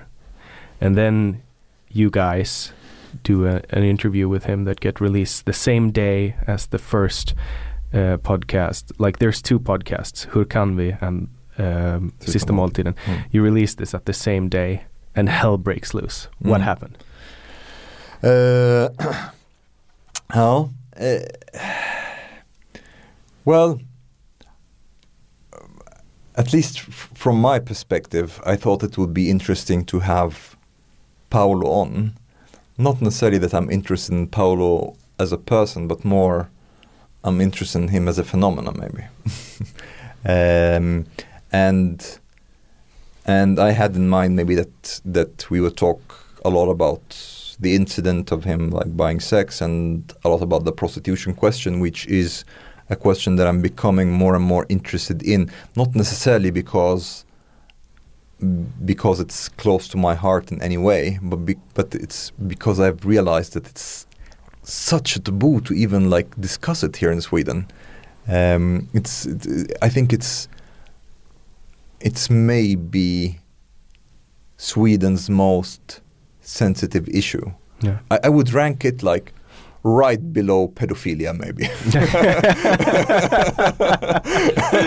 I've actually done a, a, an episode on pedophilia. It wasn't controversial at all. No, because nobody was probably You spoke to a pedophile. whether pedophilia is good or bad. No, but did you have a p- Probably, pedophile? yeah, yeah, Yeah. sure. Did you have a pedophile on? No, no, no, Okay. no, no, God, no. uh, may, maybe I've had, I, I, but I don't know which one. Uh, but no, no, it was a scientist who, who explained. Uh, he was actually trying to help pedophile, pedophiles to Uh-huh. to calm their sexual. Uh, I don't know what it's called. Desires? Yeah, desires. Yeah, yeah. Uh, yeah, but but Sorry. imagine if you have had like a pedophile on the podcast. of course. Of yeah, course. Anders, yeah, yeah. Who Anders is like- on the podcast. uh, uh, who is like kind of also talking about how it should be normalized to have sex with children. yeah, yeah, you're right. This you're right. could have been. You're right. You're right. So Yeah. I, I would say this this would be like the most sensitive, but right below that I would say is prostitution. People really go bonkers when one wants to discuss the prostitution question here in Sweden. Uh, it's it's really insane. It's also quite bad with the drugs, Yeah. narcotics, like the poli- po- narcotics policy. Yes. Um, but but prostitution is is very very very Narcotics, I, I think that most just aren't so interested in it. More than than it's Well, no, th- those people who maybe work with it. Uh, well, I think the younger younger people, there's like kind of like a culture that's really, especially with psychedelics. Yeah. Uh, it's But a I mean, growing uh, culture. Yeah, Mm. but I mean, uh, many people who are maybe in politics or s- stuff, they aren't interested even in talking Well, about it because yeah. they don't feel it's worth it. Yeah. And I don't. yeah, it's like a big no question. yeah, it's like the exactly. Folkhälsomyndigheten, the health authorities uh, officials uh, asked the government to look at a uh, decriminalization, uh, and and the, the minister of health were just like, nope, not gonna do that. In in TV, and they're like, why why not? But you, you're you're saying that when, when it comes to Corona, we should look at like take their advice because they are the professionals. And she's like, nope, Yeah. not gonna happen. We're not But gonna it- do that. This is No. exactly what I mean. I think it's sorry I derailed No, no, no, this, no, no, it's uh, okay. but uh, I- I think it's a bit controversial, or, or, or it, it is controversial. But I don't think it's that controversial and that interesting for either party to even try to legalize or even talk about it because it's not worth for any of the parties because it's not that big of an interest still in Sweden. It'll be I think. soon. Yeah, yeah, of course. I, uh, if I mean, we're always lagging 30 years after United States, right? Uh, Sorry, sorry. No, no, it, it's fine. Um, where were we? We're Um, talking about what yeah, happened prostitution and yes, you're interested in yes, it. yes, yes. Um, yeah, but uh, then we we talked about this for a while. We talked about um, yeah others other stuff as well. Um, uh, we talked about also pasta and pizza and training and things like that.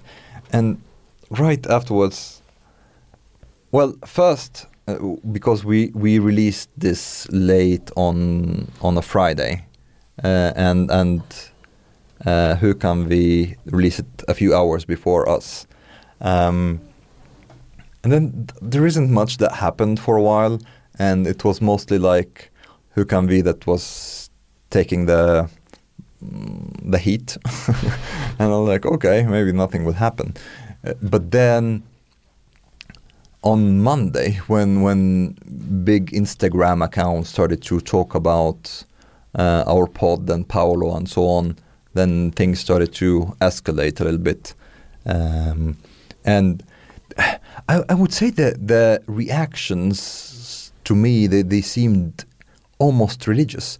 They remind they reminded me a little bit of how many Muslims react when I criticize Islam, or or for example how uh, many Muslims react to Muhammad cartoons. Uh, it's it's very guttural, very emotional. Um, uh, calling names, we we have been called like there's just like most of the critique that we we got was in the in, is in the form of like vomiting emojis. So I'm, not so, I'm not so sure what to do with this. if I'm being the devil in the room now, Uh-huh. uh, is it a, a fair comparison? Because I mean, i i the the Muslim thing is an ideology that you're criticizing, right? It's a thought. Uh, but if you're on the side of of the woman in this case, uh, you if they uh, think that it's it's rape, which many of them say that they think it is, uh, and it's illegal, of course. Is it the same? Um, Compare it. I, I, I would, well, it's not identical, definitely, uh, but I think there are similarities because if you, if you look at the dogmatism uh, about it, because it, it's not, for example, all, like everyone almost ignored that most of the people in the pod, they said they were against what Paolo did and criticized uh, buying sex. Nobody mentioned that. This was like totally left out. Right. Uh, and and it's like just speaking with Paolo, it it feels almost to many people that it's just being identical to Paolo.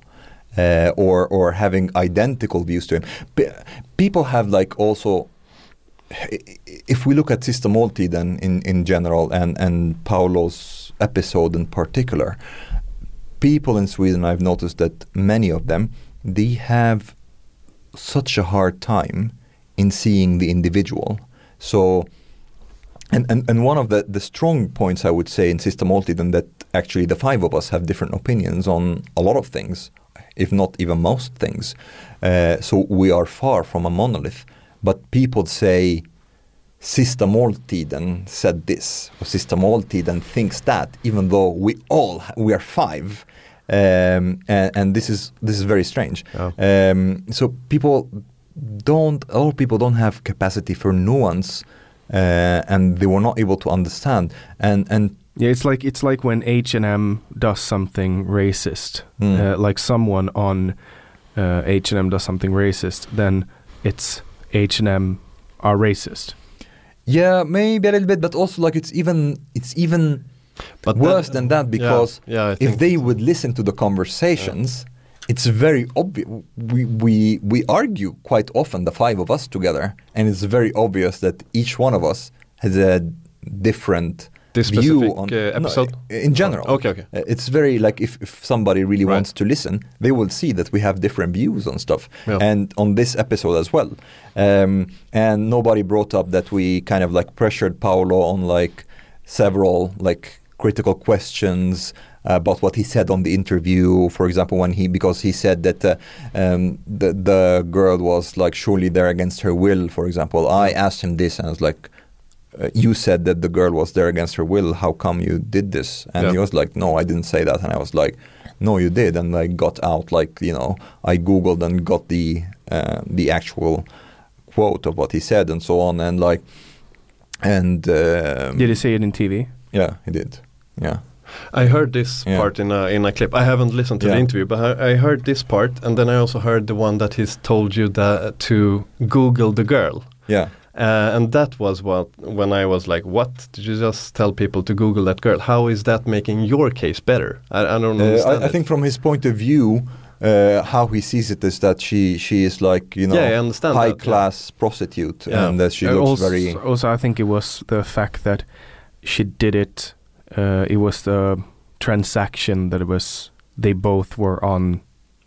Yeah, no, Like- but but his point was actually what what Omar just said. I think Yes, uh, yes, that the- uh, look the- at her; she's rich. She Yeah, wants to be a- here, she- she's and uh, yeah, I, I didn't think that made his case better, but that was the one thing that I because heard. the thing with but, s- but sex, to me, sorry, Yeah, just sorry. to uh, finish this up. If if that is the only thing that was on on uh, on uh, on Instagram and you just heard that, if you're saying that you had critical questions after that, then of course it's problematic that they don't didn't bring it uh, up. e- yeah, right. Yeah. That you even had problematic questions later Yes. on, Mm, mm. or before that, or no, no, because they wanted to create this like image. You see, Okay. they wanted to create that Sista Måltiden Yeah. Uh, is like, and they were like, there are people who are spreading like conspiracy theories, at least in my view, that we are trying. This is an attempt by men in society to save the careers of men like Paolo and Duran Lambec and Soran Ismail, and that we are a part of this conspiracy, uh, and and that uh, we. Yeah, I've seen like you know women posting the picture of the pod and like you know the last thing you see before uh, women's right to vote is taken away and the last thing uh, t- t- you see before you are group raped and i was like what the fuck Oh, calm wow. the fuck down like uh, Did you think every critic was uh, unfair? um, well it, it yes i would say so Every? Uh, yes Okay. but why N- not because that i don't think that there is any like um, it's not that one cannot criticize this, but at least if you criticize, you have to be honest. So if you would go, like, if your critique would be based on a straw man, saying that these people just invited Paolo there and they just laughed with him, and they and make it seem like we are all for what Paolo did, and we're just like there to support him and so on, and try to to problem, problematize men doing this in that sense. Uh, this is not honest critique. people even went so far that they contacted the police in trying to get Han- Hanif Azizi to to remove his badge and stuff yeah, like that. Yeah. Which is in my world is crazy because Hanif, if you listen to the actual episode, Hanif is questioning him and kind of like telling him that like what you did was wrong. Yeah, and, And- he told him like uh, he both him and Mustafa, for example, he they pushed him quite a bit about him saying that it was the first time that he bought sex and told him that this is statistically kind of impossible. What did he say? Uh, well, he, he was like, yeah, um, you said have my answer and you make of it what you want, uh, ki- ki- something Yeah. like that. He said like I've already Yeah. spoken about this with Jenny Strömstedt. You can just look at that interview and stuff like Mm. that. okay. Um, and if people would want to like basically p- like portray this or like you know show an honest image a complete image of what has happened and still have a critique about like okay we see this but uh, we still think that it's not a good idea that you talk to Paolo for example despite that Right. uh, and that this is like even despite all this uh, they still think that this is an act of normalization of uh, buying sex or something then this this is a criticism that I could interact with and Right. respond to Last question from me here. Mm. This is going. Uh, I mean, uh, to be fair to those who critique, do you Mm. think that uh, it's even? Do you think that when you're coming with a critique in a short format, maybe in social media, uh, mostly, I guess you have gotten this critique. Uh, isn't? I mean, is it on them to bring up the positive things that you have done? Eh, I don't know how long was the interview. Two hours? One hour? um, it was almost three hours Oh, oh right. Okay, three hours. But to point out everything positive, uh, that maybe they would say that they expect of you, but they are critiquing critiquing what could be better.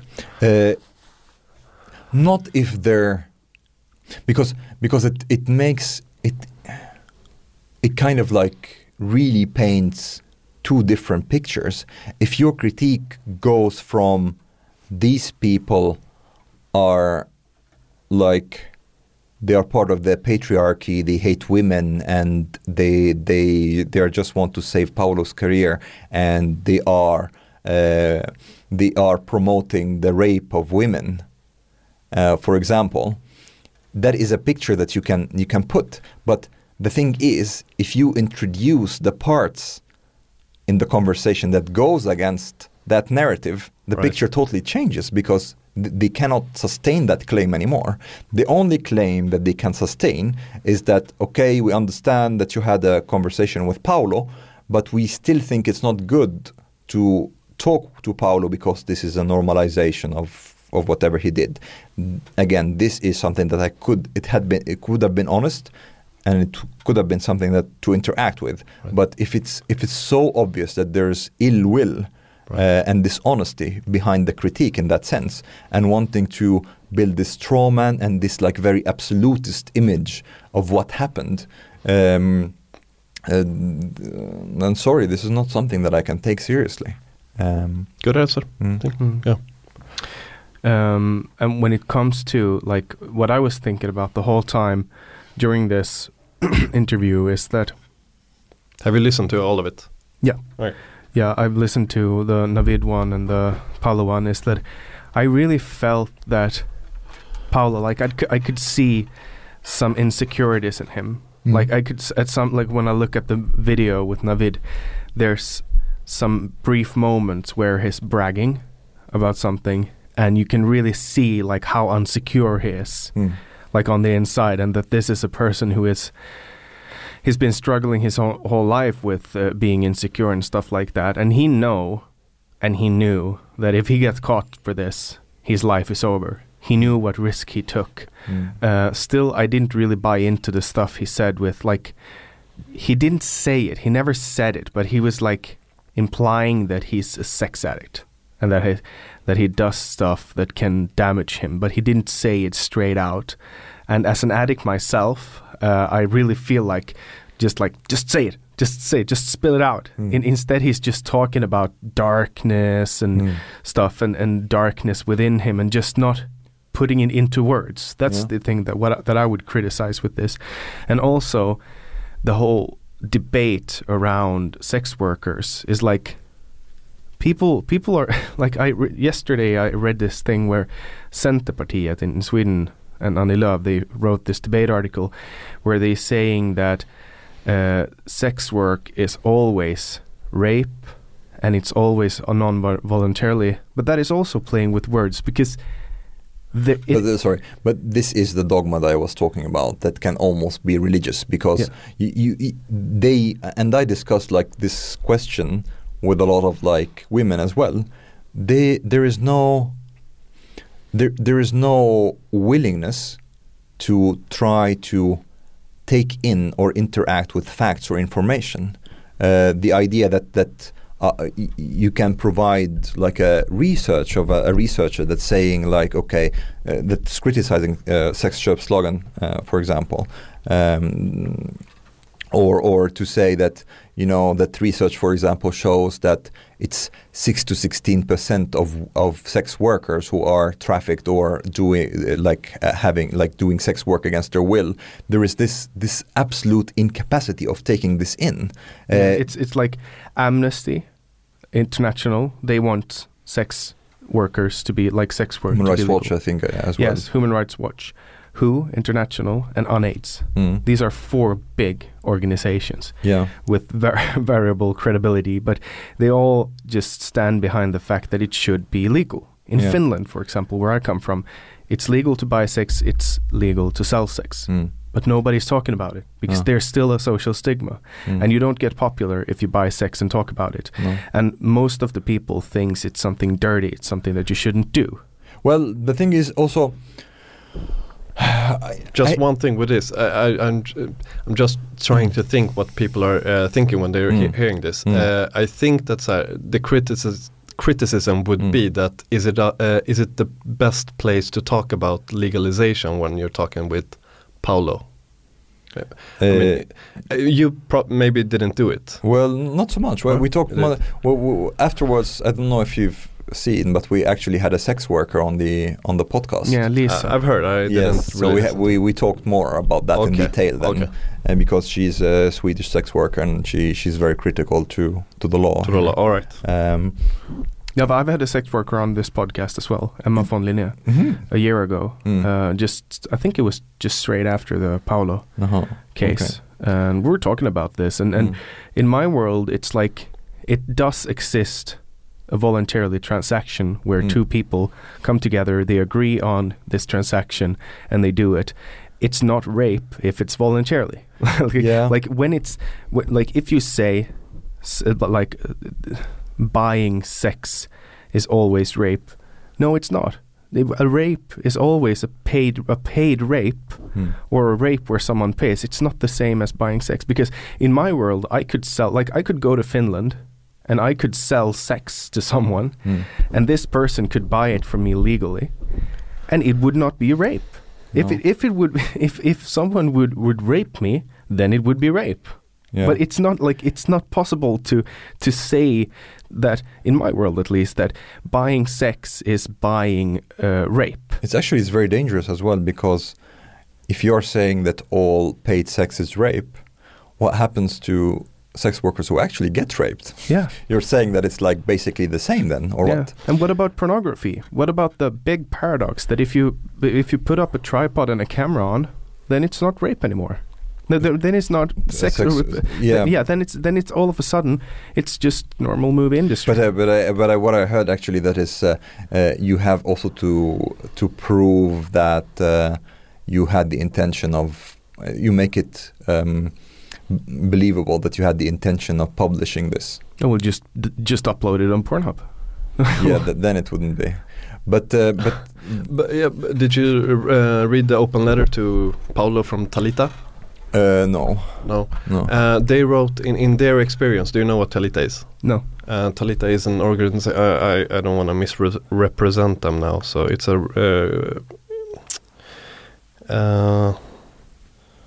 They are an Are they mainly anti-trafficking or are, are Yeah. they anti-prostitution? Uh, sex handel. Well, what would you say? That's in uh, trafficking. Trafficking. Uh, yeah, they are. Yeah, they, in the, on their Instagram they say Talita erbjuder en väg ut ur sexhandel. Uh, Mm, give- offers a way out of trafficking. Yeah, Mm. and they wrote uh, an open letter to to Paolo after I guess after your your interview I guess uh, that in their experience 99% of those who vår erfarenhet är att hon i 99% av fallen är extremt utsatt, har noll självkänsla och ser ingen annan väg ut. But but that that's I I, I th- those numbers are not like, like that's not like I spoken to several sex workers, But but that, that, that's also and you can also talk to the union. There's actually a union around sex workers, like in Europe and international and stuff, and that's not true. Those claims, ninety nine percent. It's like that's the thing. Okay, But they say uh, uh, Yeah, yeah. in their experience. yeah, in their experience. be- Okay, okay. be, so uh, so let, yeah. let's let's let's think like this. Okay, I'm I'm working as a just uh, for example, hypothetically, I work as a police within the narcotics department. What I will see is people when they are at their worst, when they are dying of overdose, where they're like uh, guns and violence and chil- bleed, crying children and bleeding husbands and mothers and stuff.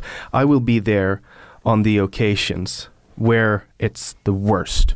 My view as a narcotic officer in this hypothetical example will be uh, colored by the fact that I will see only the worst. Mm. I'm not there at the funny parties where people take cocaine and have a good time Mm. and meet each other and just just doing it. You know, Mm. I will be there and see the worst of it. So I would not be the one to talk to if you Yeah. wanted to talk about should we should we have uh, drugs legal or not. I totally agree. There was, I think, it was in the Washington Post. I think that they wrote an article of uh, a few years ago about just that, about what kind of sources you can trust, and they were they were talking about al- alcohol, uh, specific, like giving an example.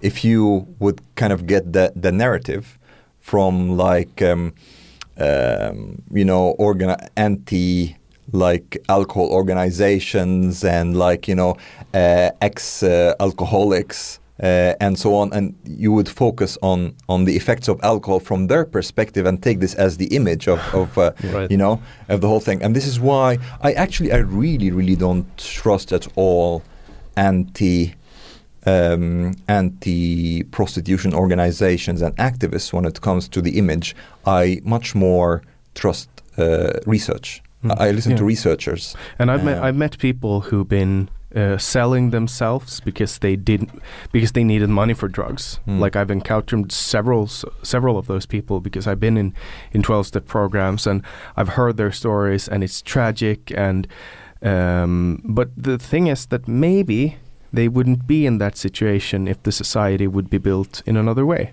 Hmm. Maybe, just Mm. maybe. I'm just saying, and, and what Mm. you're saying, listen to research. There's a lot of research on this, and and what they've c- concluded is that maybe we should just not stigmatize sex work like this because now it, we we force the women who sell sex because it's mainly women. We force them into Actually, actually, the- shadows. the- this actually it's a very interesting thing. Do you know that more men sell sex in Sweden than women? It's a very interesting fact. It's Is a it study so? that yeah, it's a study that's made by uh, Lund University. in numbers or in percent, uh, like percent. uh, how, how do you How mean? does it differ? No, no, but I like mean, more more men than women. okay. So m- in numbers, it's more like actually more men that sell sex to other men.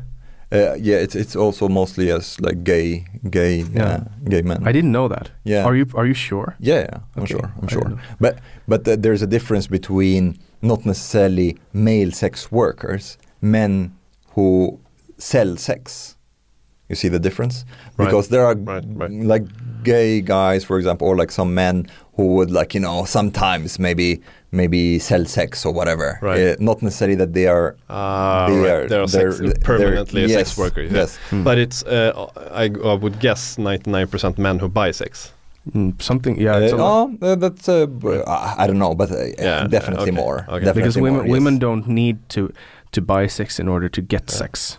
Uh, Mo- most most women don't, and definitely women are are less mm, indiscriminate uh, or like more more Yeah. Um, they they are more picky and choosy when it comes to the, Yeah. the I've actually heard uh, a feminist uh, researcher from the States who was on a Kvartal podcast who. Uh, Nina. She's a, she's Finnish. Isn't yeah, she? she's yeah. Finnish Swedish, Oh. like Yannick. Uh, She's uh, very interesting. Yeah, she actually said exactly what you said there. Yeah. Uh, if if we consider uh, sex workers as per, uh, being raped, then people who are really raped, how do? And she calls herself a feminist. I, Mm. I, I could.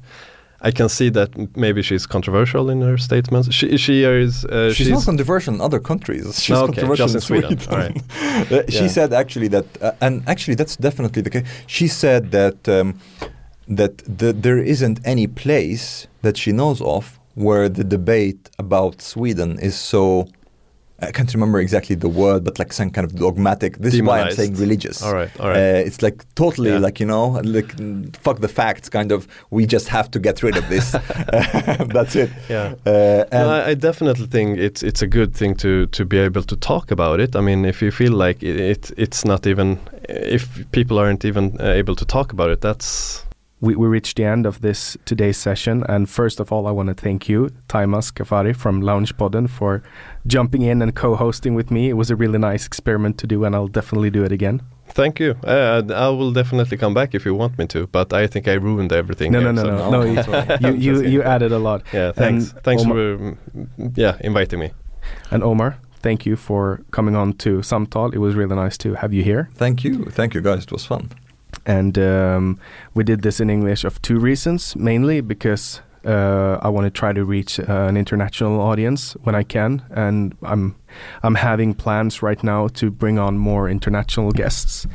Uh, it's still going to be a Swedish podcast, but I want I want to be able to invite the perspective from outside, and also Omar, you speak English in Sista Måltiden. Mm, I do. So, but thank you guys for joining and thank you guys for listening. Um, I really enjoy when you guys send in uh, suggestions on who you think that I should have on the podcast. You can do that by going to www.samtal.ax. Um, and also, if you like this podcast, uh, you can go in and become a plus customer on bulletin.nu. I guess this this is to the Swedish listener, so I'll just take it in Swedish from now.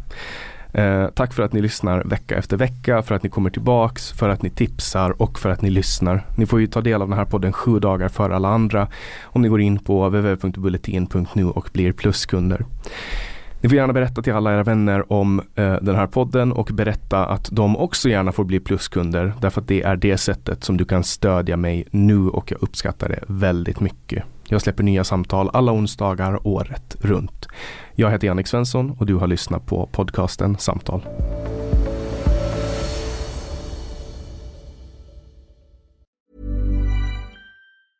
Planning for your next trip? Elevate your travel style with Quince. Quince has all the jet setting essentials you'll want for your next getaway, like European linen, premium luggage options, buttery soft Italian leather bags, and so much more. And is all priced at 50 to 80% less than similar brands. Plus, Quince only works with factories that use safe and ethical manufacturing practices. Pack your bags with high-quality essentials you'll be wearing for vacations to come with Quince. Go to quince.com slash pack for free shipping and 365-day returns.